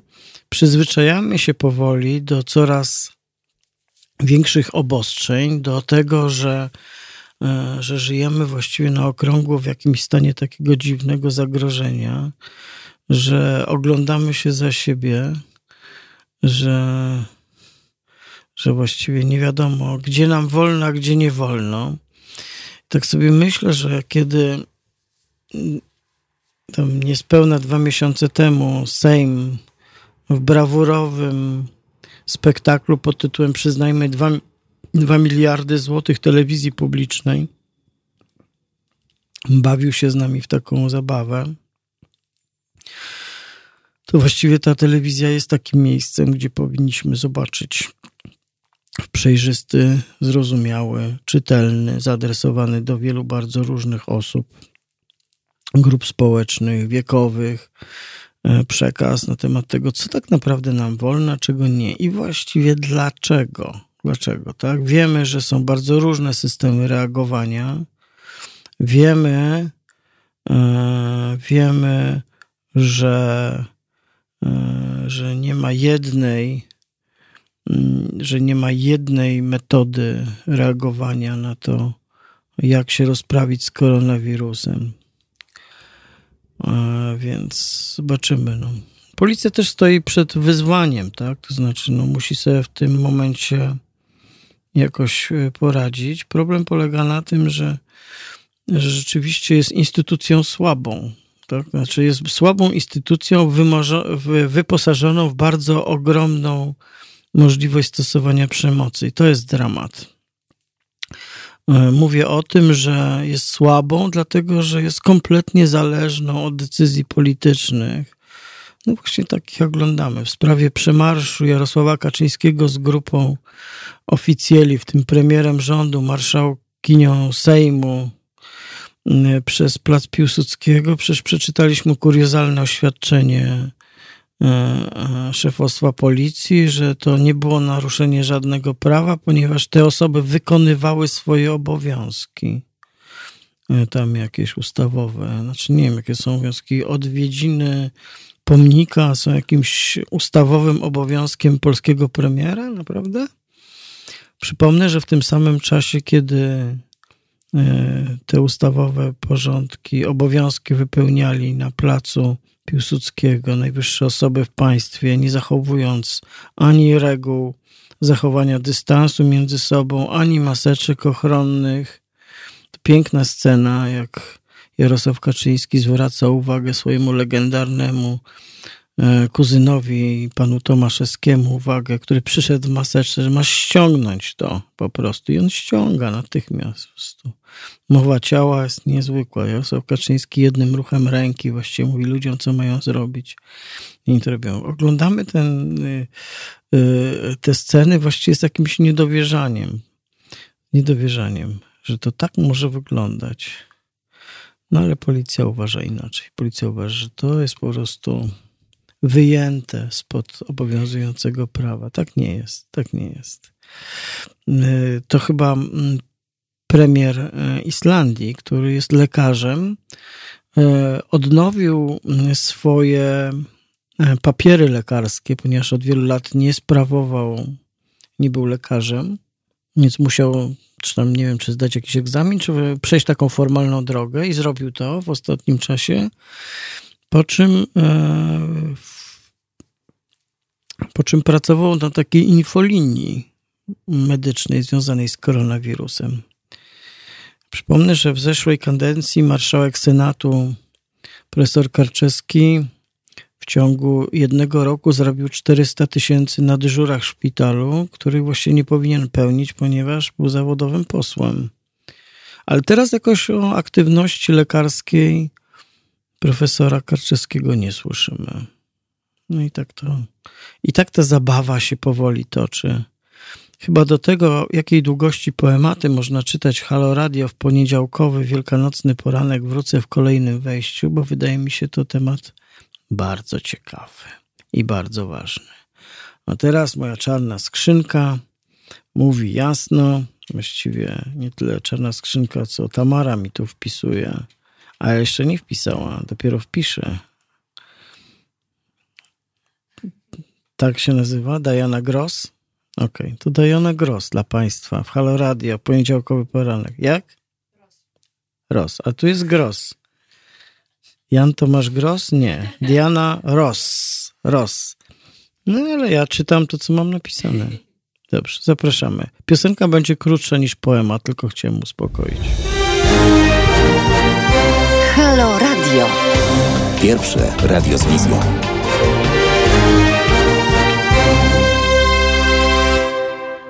Halo Radio, poniedziałkowy poranek, 13 kwietnia 2020 roku. Roman Kurkiewicz, to jest wielkanocny poranek, wielkanocny poniedziałek, czyli drugi dzień świąt Wielkiej Nocy dla katolików i chrześcijan. Hmm. Yy, tak, powiedziałem, że krótko się odniosę do, taki głos się pojawił, że poemat, który Państwu przeczytałem, Bleza Saint-Drarsa, Wielkanoc w Nowym Roku, jest za długi. Yy, no powiem tak, po prostu on taki jest i wybrałem go do przeczytania. Yy, jest taki zapisany gdzieś w historii słynny fragment dyskusji chyba Salieriego na temat z Mozartem, gdzie Salieri, czyli konkurent Mozarta, ale osoba dużo mniej muzycznie niestety uzdolniona, powiedział, e, powiedział, że bardzo dobry utwór po tam zagraniu jakiegoś nowego utworu Mozarta, tylko że jest w nim za dużo nut. Na co Mozart dość przytomnie, który znowu nie był przecież jakimś tytanem intelektu, tylko był geniuszem, spytał, ale o które nuty konkretnie jest za dużo? Więc trochę jest tak z poematami, że one mają swoją długość z jakiegoś powodu i o tym zadecydowali ci, którzy po prostu te poematy napisali. Ja e, akurat Senderarsa i jego poemat Wielkanoc w Nowym Jorku, jak i Podróż koleją transsyberyjską uważam za dzieła absolutnie wybitne i, i po prostu lubię wykorzystać tę niezwykłą okazję, jaką jest bycie w radiu przed mikrofonem i podzieleniu się z Państwem taką fascynacją. Być może jak kiedyś sobie usiądziecie, sami przeczytacie po cichu ten, ten poemat, to będziecie mieli też inne wrażenia. Ale robię to w takim namyśle. Nie, nie byłbym gotów czytać wyboru z takiego poematu. E, zdarzało mi się czytać dłuższe poematy. Pamiętam, jak kiedyś udało mi się brawurowo przeczytać cały bal w operze Tuwima. E, no ale nie mamy tutaj tyle czasu. To jest Halo Radio, ale mamy telefon. E, dzień dobry. Dzień dobry, panie Robonie. Dzień dobry. Mariusz. Dzień dobry. E, troszeczkę pana źle słyszę u siebie w telefonie, nie wiem. Nie Pan wiem. mnie dobrze. Ja pan pana- dobrze słyszy? Tak, my pana generalnie Znaczy, słyszymy ja, tak, ja tak średnio może, może w ten sposób. Średnio. Tak, ale jakoś Ale bardzo nie krzyczeć nie będę. Nie o tym dobrze, nie, nie o tym chcia- chciałem. Fajnie, że pan poruszył sprawę pana y, w tej chwili wicemarszałka Kaczyńskiego, tak? Tak, znaczy tak. Któremu się urwało, po prostu urwało się korytko, niestety. W willi już nie może mieszkać, tak? Mhm. No, wcześniej tam widziałem, pan sprawę poruszył. Jak pan tam biegał w tym kondonie, jakoś wcześniej pokazywał, jak to powinno się ubierać. Znaczy, jak powinni się ubierać lekarze niby, tak? Żeby się zabezpieczyć. Mm. Coś takiego było. No, on pokazywał, nie wiem, z tego co Jak pan- pamiętam, pokazywał jak się to poprawnie myje myć ręce. Mhm. ręce, to też pamiętam. Ale później jeszcze było, jak pan się ubrał w ten cały kondon i pokazywał, jak powinien lekarz y, być ubrany, żeby walczyć z koronawirusem. Może pan tego nie wiem, może pan tego akurat nie widział, ja to, to, widziałem. Bo, bo troszkę się śmiali z tego na, na, na YouTubie. I poza tym właśnie e, wracając do tych e, przemarszy pana Jarosława, ja tu byłem tak wkurzony, że, że po prostu mi się w kieszeni otwierał, widziałem, co pan y, ja coś odwala. Później jeszcze z tym, bo na początku widziałem tylko przy pomnikach, tak? Mhm. No ale później się wszyscy dowiedzieliśmy, wszyscy praktycznie, no chyba, że ktoś, ktoś nie wie jeszcze do tej pory. Jak pan Jarek sobie poszedł na cmentarz, który był zamknięty, tak? Dla wszystkich innych. A Tak pan Jarek sobie mógł wejść, tak? Ja Wjechać. tego, jednego nie, ja tego jednego nie rozumiem. Dlaczego on mógł wejść, a my nie możemy? No, wie pan co, no bo nazywamy to nadużyciem władzy, tak? I No ja wiem o tym.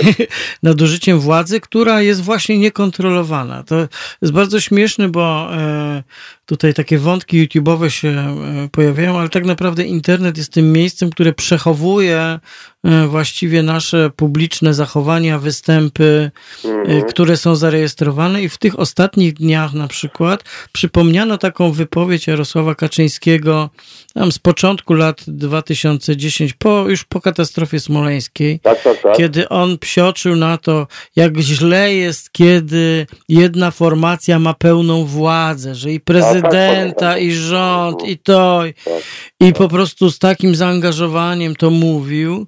I jakby przypomnienie tych słów dzisiaj jest rzeczywiście kuriozalne. Zresztą właściwie to jest tak, że cały to czas oglądam. kuriozalne, to to jest straszne, No. to, to pan robi z naszym krajem, bo on nie, on nie jest żadnym prezydentem ani premierem. On sobie rządzi, za nic nie odpowiada. Jeżeli coś się stanie w Polsce, już pan za nic nie będzie odpowiadał, tak? Już to premier wydawał y, jakieś tam zarządzenia, już to prezydent podpisywał, tak? On nic nie podpisywał. No, nie... tutaj Tutaj jest, jest, jest taka ścieżka odpowiedzialności, która się nazywa sprawstwo. To znaczy, że był. Ale kto mu to udowodni? No wie pan co, normalnie to sądy są w stanie udowodnić coś takiego. Panie nie rozśmiesza, No nie, bo było podobno za nudno i monotonnie, no to próbuję wnieść jakieś nowe elementy do naszego poniedziałkowego spotkania. Więc no od... wiem, widziałem właśnie, dlatego zadzwoniłem. Sprawstwo, sprawstwo. Wie pan co, no jest tak, że nie, tak, jest, nie jest tajemnicą, że za niektórymi działaniami stoją inni ludzie. Oczywiście, że w Polsce mamy doświadczenie, że się nie sięga po tych, którzy za czymś stoją. Tak? Na tym też polega fenomen fenomen tego, że po rządach Prawa i Sprawiedliwości 2005-2007 e, władza nie została rozliczona przez kolejną władzę, tak. która nie mhm. miała politycznej woli, żeby na przykład za sprawę śmierci Barbary Blidy postawić przed Trybunałem E, stanu, który przypomnę. postawić, dokładnie tak. Który, Na czele który Ziobro. Przypomnę, nie, nie, nie każe ludzi więzieniem, tylko mówi, ten pan przez jakiś czas albo ta pani nie może pełnić funkcji państwowych, oficjalnych. To jest najwyższa kara, którą. Ale tutaj nawet nie doszło do tego, żeby oni musieli się wytłumaczyć z tego. I to były polityczne decyzje. Ale panie Romanie. To była słabość platformy. Panie Roku, mhm. ale jak już nawet doszło, to przyszedł nowy prezydent i ułaskawił, tak? No to jest trochę inaczej, bo tutaj nie ma, to, no nie, to, to nie jest wyrok. Nie, no to jest dla mnie kuriozum. Wie pan co? on nie zdążył wydać wyroku, a pan już ułaskawił w To jest jeszcze inna historia. Natomiast ja sobie no. myślę, że najważniejsze, nawet ja myślę sobie tak, że nie, celem nie, nie było nawet to, że on, że ten Trybunał Stanu powinien wydać jakiś bardzo ostry werdykt czy wyrok. Mi się wydaje, że ważniejsze było to, żeby zmusić władzę do tłumaczenia się z tego, co robiła, do tłumaczenia się z działań, które po prostu są nadużyciem prawa. Że to, by, że to już jest bardzo dużo, Aha. że mi nie chodzi o to, żeby ich skazywać. I pan wierzy i, i to się na to, że oni się będą tłumaczyli, tak? No wie pan co, na razie to nie wiem, czy ja na to czekam. Na razie to... Ja, ja na to nie czekam, bo oni się nigdy nie będą tłumaczyli. Bo hmm. pani Jakaś niczego nie będzie tłumaczył ani panu, ani mi, ani w ogóle całemu, całemu społeczeństwu. Wie pan co, historia, nie głosowało. Historia potrafi tak, tak. zaskoczyć. Historia potrafi zaskoczyć. Gdybyśmy dwa miesiące temu albo dwa i pół miesiąca temu powiedzieli, że świat stanie na głowie, bo jest wirus, który przypomina wirusa grypy, ale on jakby cały świat i system postawi pod znakiem zapytania, to byśmy się puknęli w głowę, chociaż przecież już słyszeliśmy no ja wtedy, się... co się dzieje w Chinach, prawda? Ale że to Proszę zajdzie pana, tak y, daleko, to y, bardzo naprawdę Romanie, niewielu osobom przychodziło do głowy. Panie Romanie, ja wiedziałem, że to wcześniej pójdzie do nas, to trafi, tylko nie myślałem, że akurat w takiej skali, tak? Że tam Chiny może sobie jakoś poradzą z tym i trafi, trafi nas tylko takim, jak to, się mówi, jak to się mówi, obuchem, tak? Czyli tylko troszkę nas tam może liźnie. Hmm. Ale okazało się, że mamy tutaj po prostu w tej chwili kuku, tak? Kuku nam się zrobiło. Duże a pan Jarek sobie z tego po prostu nic nie robi, tak? I jeżeli lekarze wykładają się z telewizji, pielęgniarki, że oni nie mają czegoś, a w telewizji reżimowej mówi się, że a skąd? Że oni kradną wręcz, że lekarze kradną, to co oni dostają, to oni kradną. Dlatego nie ma. Hmm. Nie wiem, czy pan to słyszał, tak? Nie, ja bym się pan szybko tego wycofywał, ten hmm. chyba wiceminister, tak? Tak, tak, tak. No, szybko się tego później wycofali. No, kurwa mać, no przepraszam, nie będę się wyrażał, bo jestem trochę zdenerwowany, z w tej chwili zdenerwowałem. Już. To niepotrzebnie, niepotrzebnie. Nie to, rozbrajanie, to tłumaczenia tych panów, yy, yy, to orędzie pana prezydenta, którego nie oglądałem na szczęście, nie wiem, jak tam, co pan tam zmyślał. Zresztą na YouTubie wspominali, ja tego nie oglądałem. Nie będę go oglądał. Dziadostwa, nie wiem, czy, znaczy dokąd jeszcze musimy czekać, żeby może w tych główkach się nam przewracało na tyle, żeby nie myśleli o wyborach, bo to jest narażanie ludzi. Wiesz, pan Jarek nie pójdzie i tak na wybory, jemu przywiozą, nie wiem, czy go zawiozą, w tym kondonie całego tam postawią, z filtrami jeszcze w koło, w koło niego. A, co do wojska z długą bronią, tak? Bo pan y, o tym wspominał. No w innych państwach też tam niby stoi policja i obok stoi wojskowy z długą bronią, ale tam jest inna sytuacja, bo tam jeszcze chodzi o terrorystów, tak? No. Ja teoretycznie... A u nas, to nie ja, wiem, pan Jarkacz Teoretycznie to jest zrozumiałe i formalnie, bo są po prostu jakieś stany zagrożenia, w związku z tymi stanami są wdrażane tak. jakieś procedury. Jednym z elementów tej procedury jest, że jak jest wdrożony taki tam stan zagrożenia, to policja czy wojsko stoi z długą no, ale bronią. rzeczywiście, mi też przypomina chodzi, się stan wojenny. No, chodzi to, to, że to jest... dzieciakiem, mhm. ale przypomina mi się stan, stan wojenny. No. Nie, ale to, nie, nie, to jest bardziej... Kojarzy mi się to z tym. Bardziej to jest kuriozalne i śmieszne niż groźne, na razie przynajmniej. No na razie, przynajmniej na razie, tak. Na razie. Mhm. Panie Mariuszu. Ale jak widziałem, ale jak widziałem idących tych panów, w większości panów jak na razie w tej chwili, e, z obrony cywilnej, przepraszam, obrony Macierewicza, tych panów w zielonych beretach, którzy tam nie dostali się wcześniej albo do wojska, albo zostali później już, e, byli emerytowani, tam jacyś, nie wiem, ze Straży Miejskiej albo z Policji, e, którzy się nie, jeszcze nie spełnili, to tam po, po co? Tam poszły jakieś oszołomy po prostu, które wcześniej miały jakieś problemy lub nudzi im się w domu. I chcą teraz, e, no tam 500 zł dostać miesięcznie, tak? Tylko, że jak ja ich widzę, to mi się robi niedobrze. To nie jest obrona cywilna, jak było kiedyś. Obrona cywilna to była obrona cywilna. To są, to są jakieś, nie wiem, pokopańcy no, dla mnie. Z bronią, chyba jeszcze najnowszą bronią, którą y, pan Macierewicz im wręczał, to wojsko nie miało takiego karabinu, oni dostali najnowszy model karabinu. No kurwa właśnie. Przepraszam, to jest obrona cywilna, czy to jest wojsko? No to są tak tajemnicze formacje. Panie Mariuszu, dziękuję za rozmowę. Życzę dziękuję, mimo dziękuję. wszystko spokojniejszego poranka. Jakby nie, Dobrze, dziękuję, jakby nie było y, świątecznego. Wszystkiego dobrego. Dziękuję za telefon, za rozmowę. Y, teraz y, w naszym halo radiowym poranku, kiedy mija delikatnie i subtelnie godzina dziewiąta i rozpoczyna się trzecia godzina, jak to leci naszego spotkania. Zaprosimy Państwa z Tamarą do wysłuchania muzyki. Tamara, zapowiedz proszę, bo są apele słuchaczy, słuchaczek.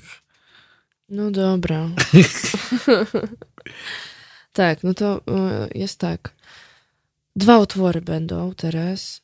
Santana, The Game of Love i Alpha Vile, Forever Young. No i proszę.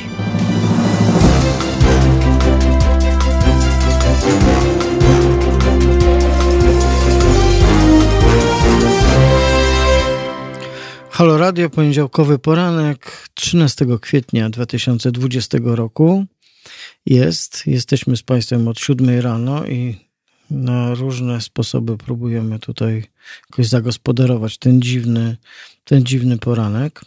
Przypomniałem sobie, że chciałem powiedzieć dziwną, krótką historię o Juriju Gagarinie, e, ponieważ wczoraj, 12 e, kwietnia, była rocznica lotu Jurija Gagarina, który w 1961 roku e, jako pierwszy człowiek poleciał w kosmos. Mm, no i samo to, jakby to jest oczywiste, wszyscy wiemy, że poleciał, a potem długo nie pożył i tak dalej, i tak dalej. Ale y, czytałem y, Y, czytałem bardzo y, kiedyś fajną książkę, taką biograficzną o Juriju Gagarinie. Y, I właściwie chciałem z tej książki przypomnieć, nie czytać jej, bo nie mam jej ze sobą, mm, ale mm, taką anegdotę opowiedzieć, bo ona jest przepiękna właściwie bo ona opowiada o tym, jak z pozoru zupełnie niewielkie, nieznaczące, malutkie wydarzenie sprawiło, że ten jeden w końcu z tysięcy młodych pilotów w Związku Radzieckim z tamtego czasu e, został pierwszym człowiekiem, który poleciał w kosmos. Otóż kiedy Yuri Gagarin y, tam kończył jakieś swoje szkoły średnie, to były szkoły zawodowe, był też członkiem aeroklubu, uczył się latania, potem poszedł do takiej szkoły lotniczej, no i tam się uczył, tak? To był taki moment, kiedy brano wszystkich młodych chłopaków, była gigantyczna potrzeba, żeby y, było mnóstwo nowych pilotów, wojna y, ojczyźniana huczała i tak dalej, i tak dalej. I... Mm, I Gagarin miał mnóstwo różnych niezwykłych zalet. Był bardzo dobrym pilotem, był bardzo bystry, bardzo sympatyczny, kontaktowy. E, jedyna rzecz, która martwiła jego instruktora i takiego przełożonego, to że kompletnie nie umiał lądować. Po prostu walił tym samolotem o pas e, startowy, jak po prostu jak młotem o ścianę wali. I mm, kiedyś ten instruktor postanowił, że właściwie powinien e, tego Gagarina jednak wyrzucić z tego kursu i z tej szkoły, no bo po prostu ta nieumiejętność lądowania go po prostu dyskwalifikowała. Ale w głowie sobie postanowił, że da mu ostatnią szansę, nie mówiąc mu o tym zresztą. No i wsiedli do tego odrzutowca szkoleniowego, polecieli. No po czym rozpoczynają, e, rozpoczynają, zbliżają się do lądowania, lądują i ten instruktor po prostu nie jest e, w stanie wyjść z podziwu. Gagarin wylądował po prostu wzorcowo to byłoby za mało powiedziane. Otóż Gagarin wylądował tak, że instruktor nie poczuł, kiedy koła samolotu dotknęły, dotknęły pasa, na którym, na którym lądowali. No jak już tam dokołowali, wysiedli, tam zdjęli te swoje hełmofony, to mówi do niego, Jurko, mówi, jak ty to zrobiłeś? Przecież ty w ogóle nie umiesz lądować, przecież ty mało nas nie zabiłeś ileś razy. Mówi, już chciałem cię wyrzucić.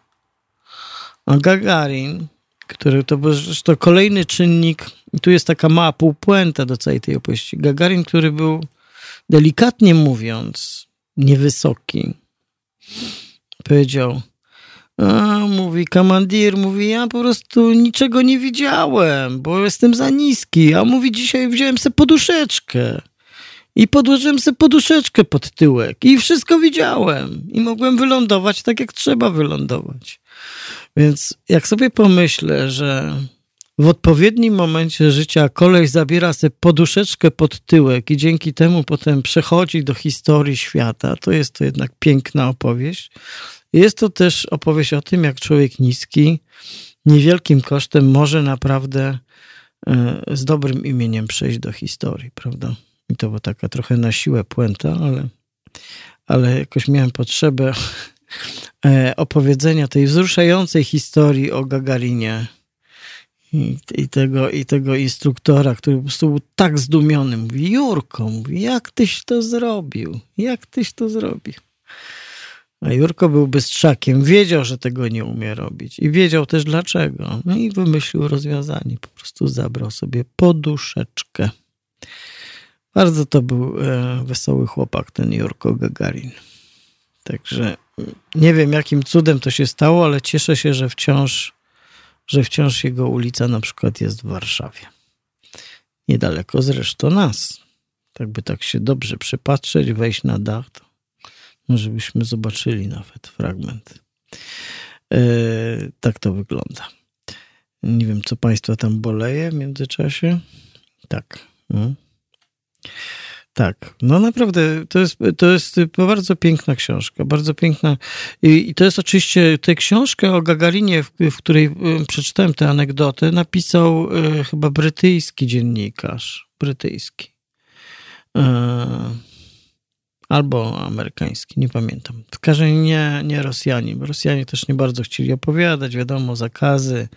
Jurko też był rozrabiaką, jest potem piękna scena, jak w sanatorium goniła go jego żona, bo przyłapała go w pokoju pielęgniarki, a Jurko tak uciekał przed żoną, że wyskoczył z pierwszego piętra z balkonu, połamał se nogi, więc daleko nie uciekł. No i takie naprawdę ale poduszeczka, poduszeczka po prostu. Więc jak Państwo widzicie, trzymałem na dzisiejszy poranek też inne opowieści. E, chociaż w ostatniej, to za chwilę, jak jeszcze wysłuchamy muzyki, to chciałem Wam zaproponować taką, jak to, jak to ja, taką lekturę niezbyt ciężką, ale też y, y, jednak trochę wymagającą, ale wydaje mi się, że to jest y, dobry, dobry tekst do sobie, do przemyślenia sobie różnych rzeczy, i, ale opowiem o tym dopiero, o tym dopiero opowiem za chwilę. Za chwilę. A też kiedy sobie przypomniałem o tym, o tym Gagarinie, bo właściwie zawsze pamiętam o Gagarinie, bo, bo ta data mm, tak, ta data jest w mojej głowie. Ta data jest w mojej głowie. To też widziałem, że po prostu dalej chłopaki właśnie parę dni temu mm, kolejnym Wastokiem czy innym tamtym wystartowali, lecą znowu tam jak tacy robotnicy kosmiczni na tą stację. Wiozą tam jedzenie, czasopisma, nie wiem co im tam jeszcze wiozą. Czasopisma właśnie. Oni no nie no, mają internet przecież chyba, nie? Na stacji, na stacji kosmicznej dzisiaj już mają internet. To jest fajne. Skądinąd to jest bardzo ciekawe. Jak, jak się ma na stacji kosmicznej internet, nie? No ale mają, mają, łączą się. Bardzo to jest fajne. Y, z, z drobnych informacji związanych z koronawirusem, nie takich groźnych, to jest to, że w, na przykład w Stanach Zjednoczonych jest y, triumfalny powrót kin samochodowych, co mi się wydaje dosyć śmieszne. Tak? Pamiętacie Państwo, znamy to z wielu filmów, słynne kina na wolnym powietrzu, te samochody, które, prawda, tam się kolebią i tak dalej, i tak dalej. I teraz z powodu koronawirusa właśnie natychmiast natychmiast powstały na nowo. Można powiedzieć, że to jest taka cieplejsza strona tej opowieści, bo drugą jest tak, jak nie wiem, czy Państwo widzieliście taki obraz, jak w Las Vegas, w którym wszystkie hotele i kasyna stoją puste, a równocześnie ma, jest tam ileś tysięcy osób bezdomnych, to bezdomnym pomalowano kwadraty na parkingu, tam mają spać. A hotele dalej stoją puste, bo przecież nie wpuszczą tych bezdomnych do hotelu, nie? Więc wymalowano im kwadraty. Każdy ma swój kwadracik, dokładnie. No, to są chyba prostokąty, tak mówiąc e, precyzyjnie. Takie prostokąty, powiedzmy 2 na 3 metry chyba. I każdy ma swój taki wymalowany prostokąt, i tam na tym parkingu ma wreszcie swoje miejsce na ziemi. Taka to jest historia. To Tamaro, co teraz będzie nam tu grało? So, Soul, Asylum, Runaway Train. Halo Radio. Halo Radio, poniedziałkowy poranek, wielkanocny, 13 kwietnia 2020 rok. Zbliża się godzina, nie, już jest godzina 25 po godzinie 9 rano. Rano jest takie dzisiaj niezdecydowane, bo Słońce się trochę schowało za chmurami, przynajmniej tu, gdzie my jesteśmy. I na ile widać, bo głównie widzimy jednak gigantyczną starą kamienicę, a dopiero potem fragmenty nieba. I czasem niebieskie szklanki tutaj strażaków, ale dzisiaj strażacy jeszcze nie wyjeżdżali, chociaż troszeczkę poświecili. Może robili próbę tylko lampek. E, chciałem Państwu polecić do, do lektury tekst, który, e, który właściwie bardzo tak e, zapraszająco skłania do jakiegoś takiego łagodnego przemyślenia sobie tego wszystkiego, co wokół nas się dzieje. To jest wywiad, rozmowa z Olgą Tokarczuk, którą opublikowała Gazeta Wyborcza. Wydaje mi się, że to nie jest schowane za jakimś, ale tego nie jestem pewien, bo ja akurat mam dostęp do tych tekstów. E, tę rozmowę zrobił Michał Nogaś z Olgą Tokarczuk i jest wokół tego, co się dzieje. I ona mówi coś takiego na przykład. Tak się zaczyna ten tekst. Ten czas jest testem dla nas i dla bliskich. Może się okazać, że wbrew pochwałom i deklaracjom Rodzina wcale nie jest najważniejsza i najpiękniejsza, że dla wielu widok ukochanej osoby i przebywanie z nią przez cały dzień, bez przerwy, stanie się nie do zniesienia. E, to jest jakby jeden z wątków, on został tutaj wyjęty, bo jest taki, prawda, niepoprawny, w takim dobrym sensie tego słowa w tej, w tej rozmowie, ale tu jest e, chyba dużo, dużo więcej ciekawych, e, dużo więcej ciekawych rzeczy. Generalnie jest taka refleksja nad takim momentem przełomu, załamania się, takiego momentu, w którym jakby stare przestaje istnieć, chociaż oczywiście trzyma się jeszcze szponami bardzo mocno. E, I przychodzi coś, czego jeszcze nie znamy, coś, o czym nie wiemy, czym będzie, jak się będzie, jakimi regułami się będzie rządzić. To jest też oczywiście moment na to, żeby mieć wpływ na te zmiany, prawda? Ale to nie jest łatwe. Więc wydaje mi się, że to jest bardzo ciekawy tekst. I e, Olga Tokarczuk mówi, że to, co teraz przechodzimy, to jest taki rodzaj testu, który my przechodzimy i musimy go z jakimś wynikiem zdać. I nie wiadomo, kto dla nas napisał ten tekst, i właściwie odpowiedź na to, kto napisał ten tekst, jest bez większego znaczenia. Natomiast wyniki tego testu najprawdopodobniej będą oznaczać oznaczać to, jacy wyjdziemy z tej pandemii, tak? Bo ona, niezależnie od swojego medycznego, śmiertelnego wymiaru, a chyba go mimo wszystko nie można lekceważyć. Jednak jak oglądam obrazy, w których widzę, że na wyspie obok Bronxu y, kopie się masowe groby w Nowym Jorku, do których zwozi się trumny wózkami widłowymi, no to to jednak musimy przyznać, że to nie jest coś, co jest e, zwykłym wydarzeniem, tak?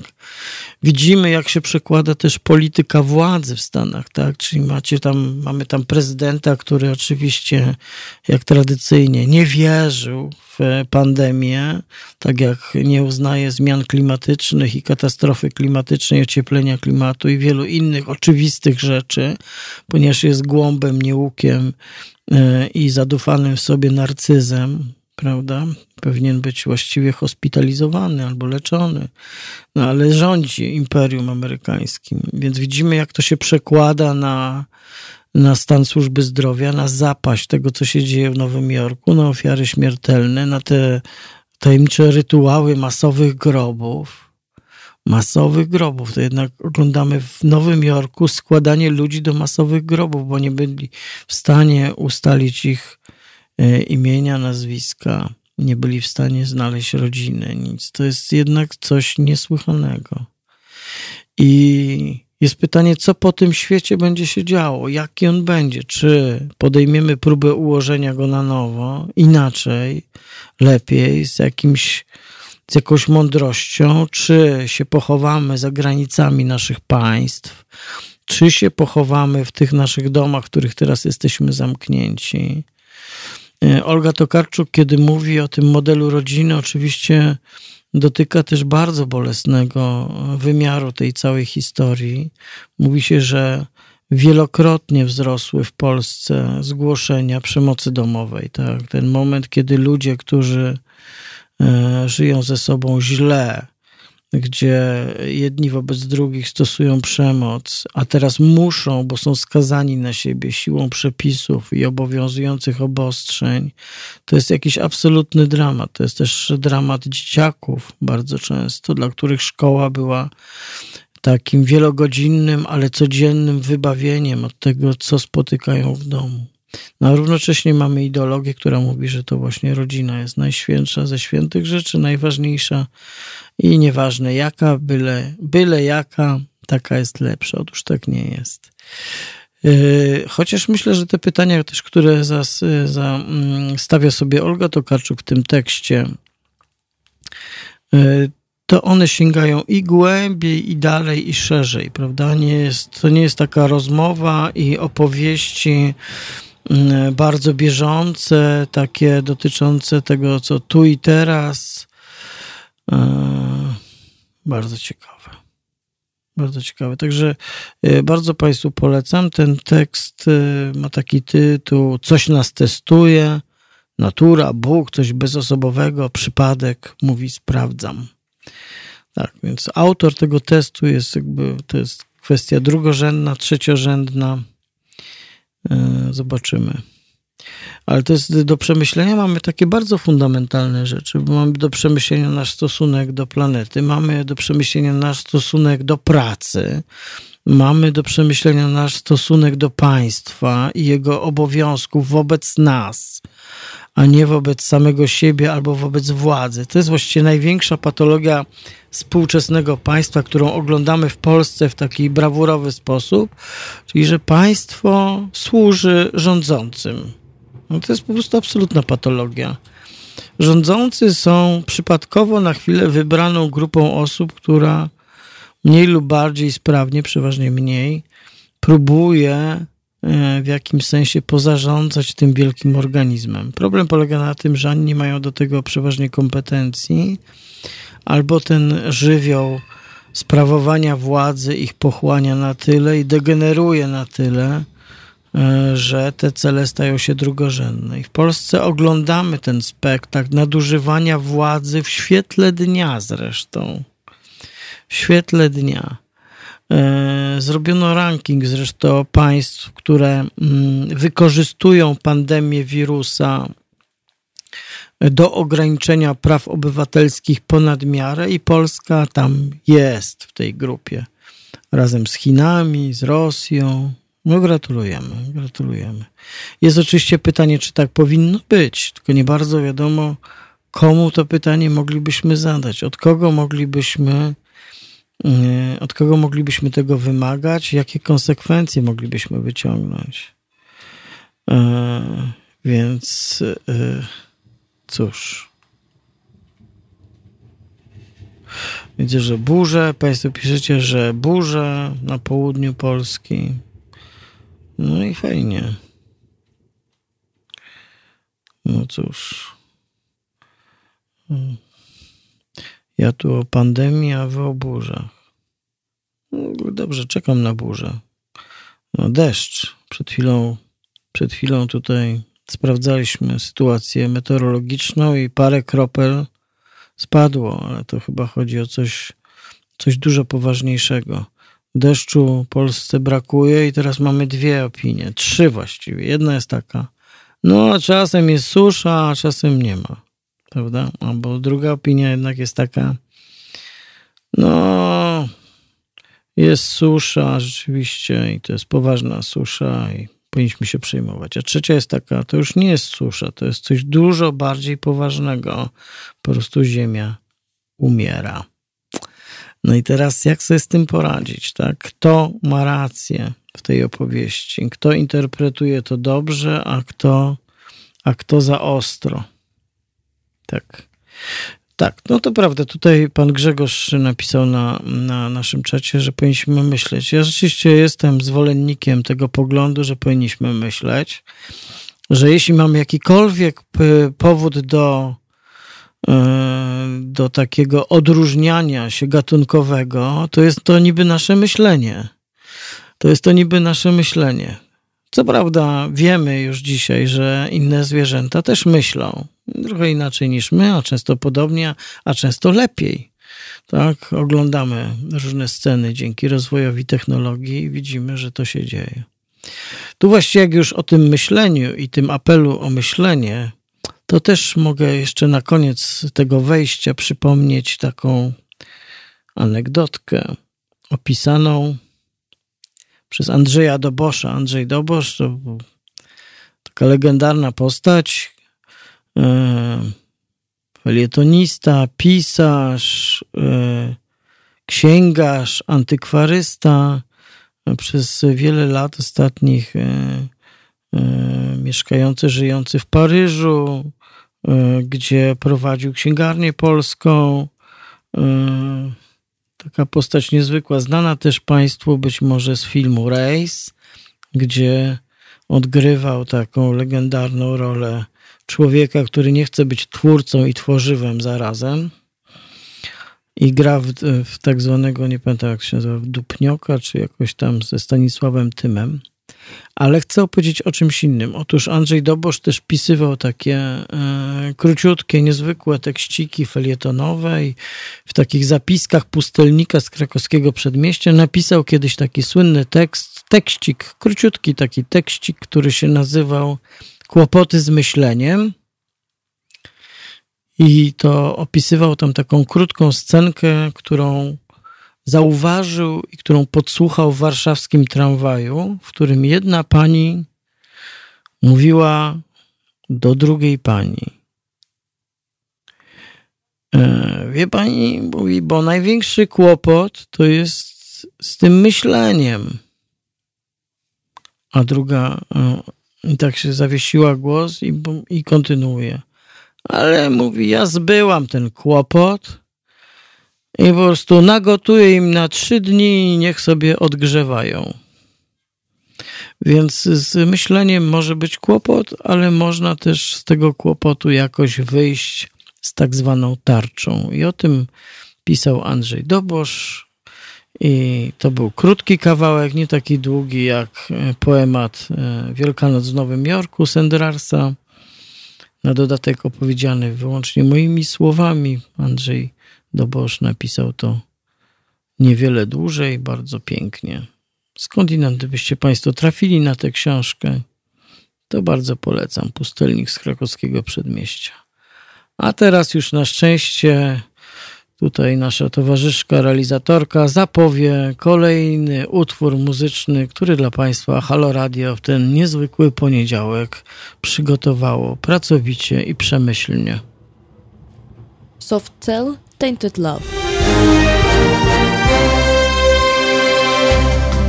Halo Radio. Pierwsze medium obywatelskie.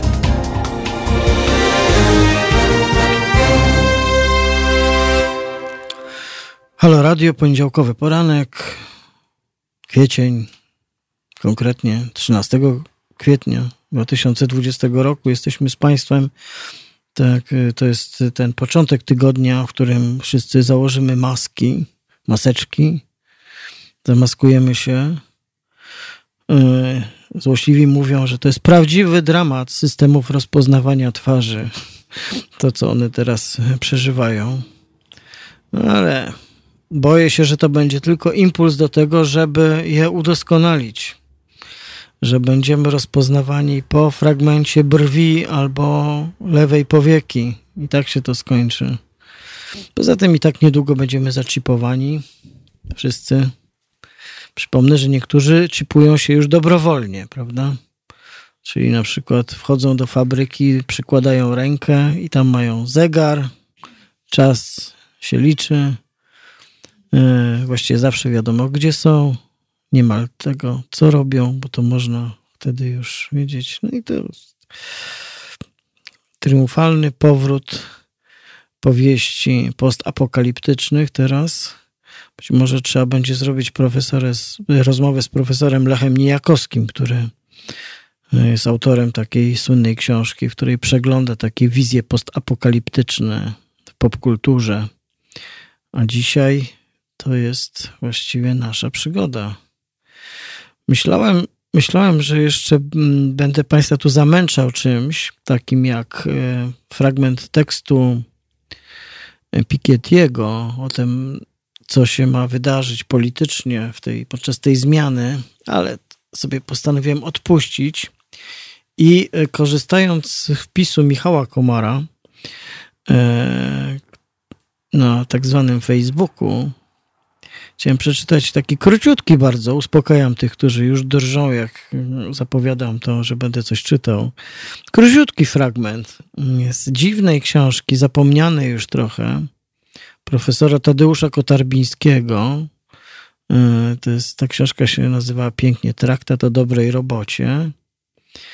I tam Tadeusz Kotarbiński, polski filozof, y, pisał tak – że ktoś, kto zabiera się do roboty, po pierwsze, musi wiedzieć, czy dysponuje odpowiednimi zasobami ludzkimi i technicznymi dla realizacji celu. Po wtóre, musi się zastanowić, czy jego zamysł jest wewnętrznie spójny, innymi słowy, czy jest całością, w której poszczególne cele nie są sprzeczne. Po trzecie, powinien sprawdzić, czy ów zamysł jest czytelny, zrozumiały, przejrzysty. Po czwarte, czy zamysł jest na tyle giętki, by mógł podlegać modyfikacjom, gdy zajdzie potrzeba.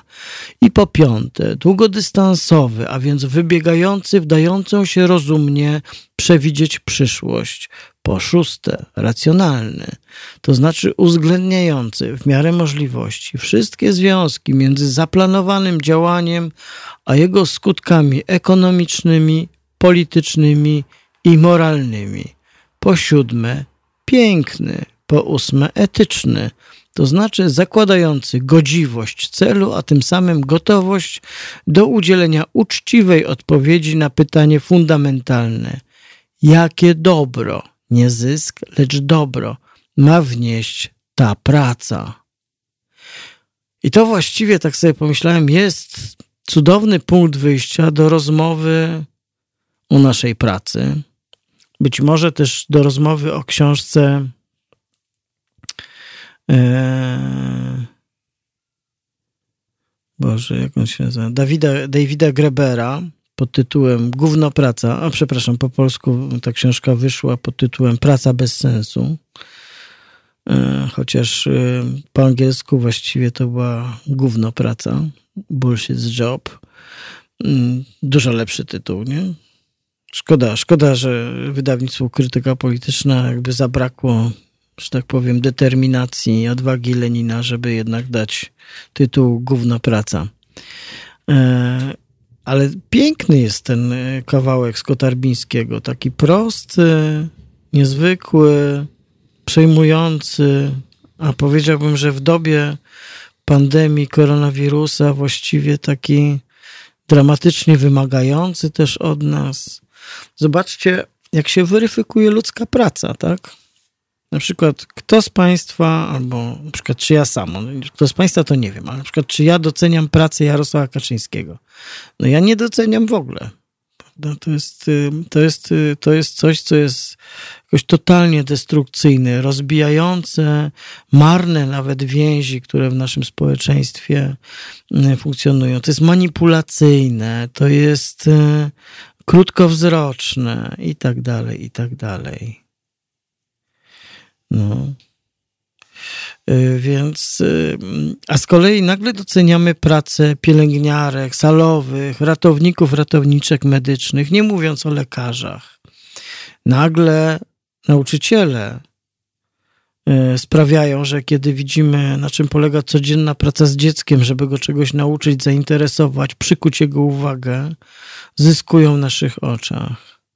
Gdyby właściwie każdy z nas wykonał sobie taki test, który tutaj można by nazwać testem Kotarbińskiego na temat sensowności pracy, którą wykonujemy, to byłoby bardzo ciekawe. Tak? No właściwie ja byłbym gotów wypełnić ten test, odpowiadając na pytanie, czy, e, e, czy nasza praca w e, Halo Radio jest e, dobrą robotą. Tak? I teraz bym sobie próbował odpowiedzieć na te pytania. No. Chociaż nie wiem, czy, czy powinienem to robić, bo być może odpowiedzi będą zbyt bolesne. Hmm. No właśnie, właśnie. Może nie, może nie. Może zostawię to Państwu. Niech Państwo sobie odpowiedzą na temat swojej pracy, a ja na temat swojej pracy będę milczał. E, bo właściwie być może to by czegoś ode mnie wymagało. Ale wobec innych prac, ja sobie, prawdę mówiąc, akurat często zadaję te pytania w jakimś sensie. Czy to, co robię, ma taki sens głębszy, długodystansowy, czy jest do końca racjonalne, czy jest etyczne, jakiemu służy dobru. Nie mam zawsze jednoznacznych odpowiedzi. Nie mam. Myślę, że często funkcjonujemy w takiej iluzji, a w niej jest też wygodnie, Gdybyśmy mieli wolność wybierania, to akurat ja jestem zwolennikiem niepracowania w takim klasycznym stylu. To znaczy, właściwie jestem radykalnym przeciwnikiem pracy jako konieczności, pracy jako sposobu zarabiania na życie. Dlatego też na przykład mi się wydaje, że ten koncept, który się pojawia przy pandemii, żeby ludzi objąć mm, takim e, tym dochodem, powszechnym dochodem obowiązkowym, to jest bardzo mi bliski, bliski koncept. Dlatego, że ja bym wiele rzeczy, które uważam za najbardziej wartościowe w swoim życiu, robił i tak. Na przykład radio albo coś tam, coś pisał, czy może kogoś trochę pouczył. Ale że to jest tak rygorystycznie, nieprzyjemnie związane z koniecznością zarabiania pieniędzy na przeżycie czy na życie, to to już jest bardzo dyskomfortowe. I może wcale tak nie musi być. Może jesteśmy w stanie sobie wyobrazić inny świat, a jak jesteśmy w stanie sobie wyobrazić inny świat, to potem być może jesteśmy e, gotowi wykonać wysiłek, który może nas do niego zbliżyć, do tego, żeby zaistniał, zafunkcjonował, żeby działał. E, I nie mam dzisiaj takiego wrażenia też, że to są jakieś absolutne mrzonki. Poza tym też jestem sympatykiem myślenia utopijnego. Wydaje mi się, że myślenie utopijne wnosi e, wnosi w nasze życie taki powiew e, powiew wolności, w sensie tego, że możemy sobie wyobrazić inny świat, że możemy wciąż zaproponować jakieś inne warianty. O, tutaj widzę jakieś złośliwości pod, pod moim adresem. E, czy żywioł tracenia pracy jest dla mnie czymś tak oczywistym, że przestaję na to zwracać uwagę. Kiedyś się tym przyjmowałem, potem mnie to dziwiło, a dzisiaj właściwie nawet bardziej mnie dziwi, że jeszcze jakieś roboty nie straciłem. Ale nie traćmy nadziei, wszystko przed nami, prawda? Nie cierpię lania wody. Nie cierpię, tutaj padło pytanie, nie cierpię lania wody. W sensie dosłownym, bo jeśli chodzi o takie gadanie w radiu, to właściwie jestem za. Co zresztą widać i dzisiaj Dzisiaj mi się udało to Państwu zaprezentować, tak. Ale z drugiej strony, tak naprawdę, gdybyśmy takie ostre kryteria przyłożyli, co jest laniem wody, a co nie jest laniem wody, to kto by się ostał? Albo kto by ich słuchał? Więc od czasu do czasu trochę wody trzeba lać. Aczkolwiek rzeczywiście ten obyczaj ulicznego lania wody to nie jest coś, co co lubię, co wspieram. Minimalistów. Właśnie nie wiem, nie wiem. Minimalizm oczywiście to jest też. Minimalizm to jest, prawda, szerokie pojęcie, więc musielibyśmy sobie zdefiniować, o jakim minimalizmie mówimy.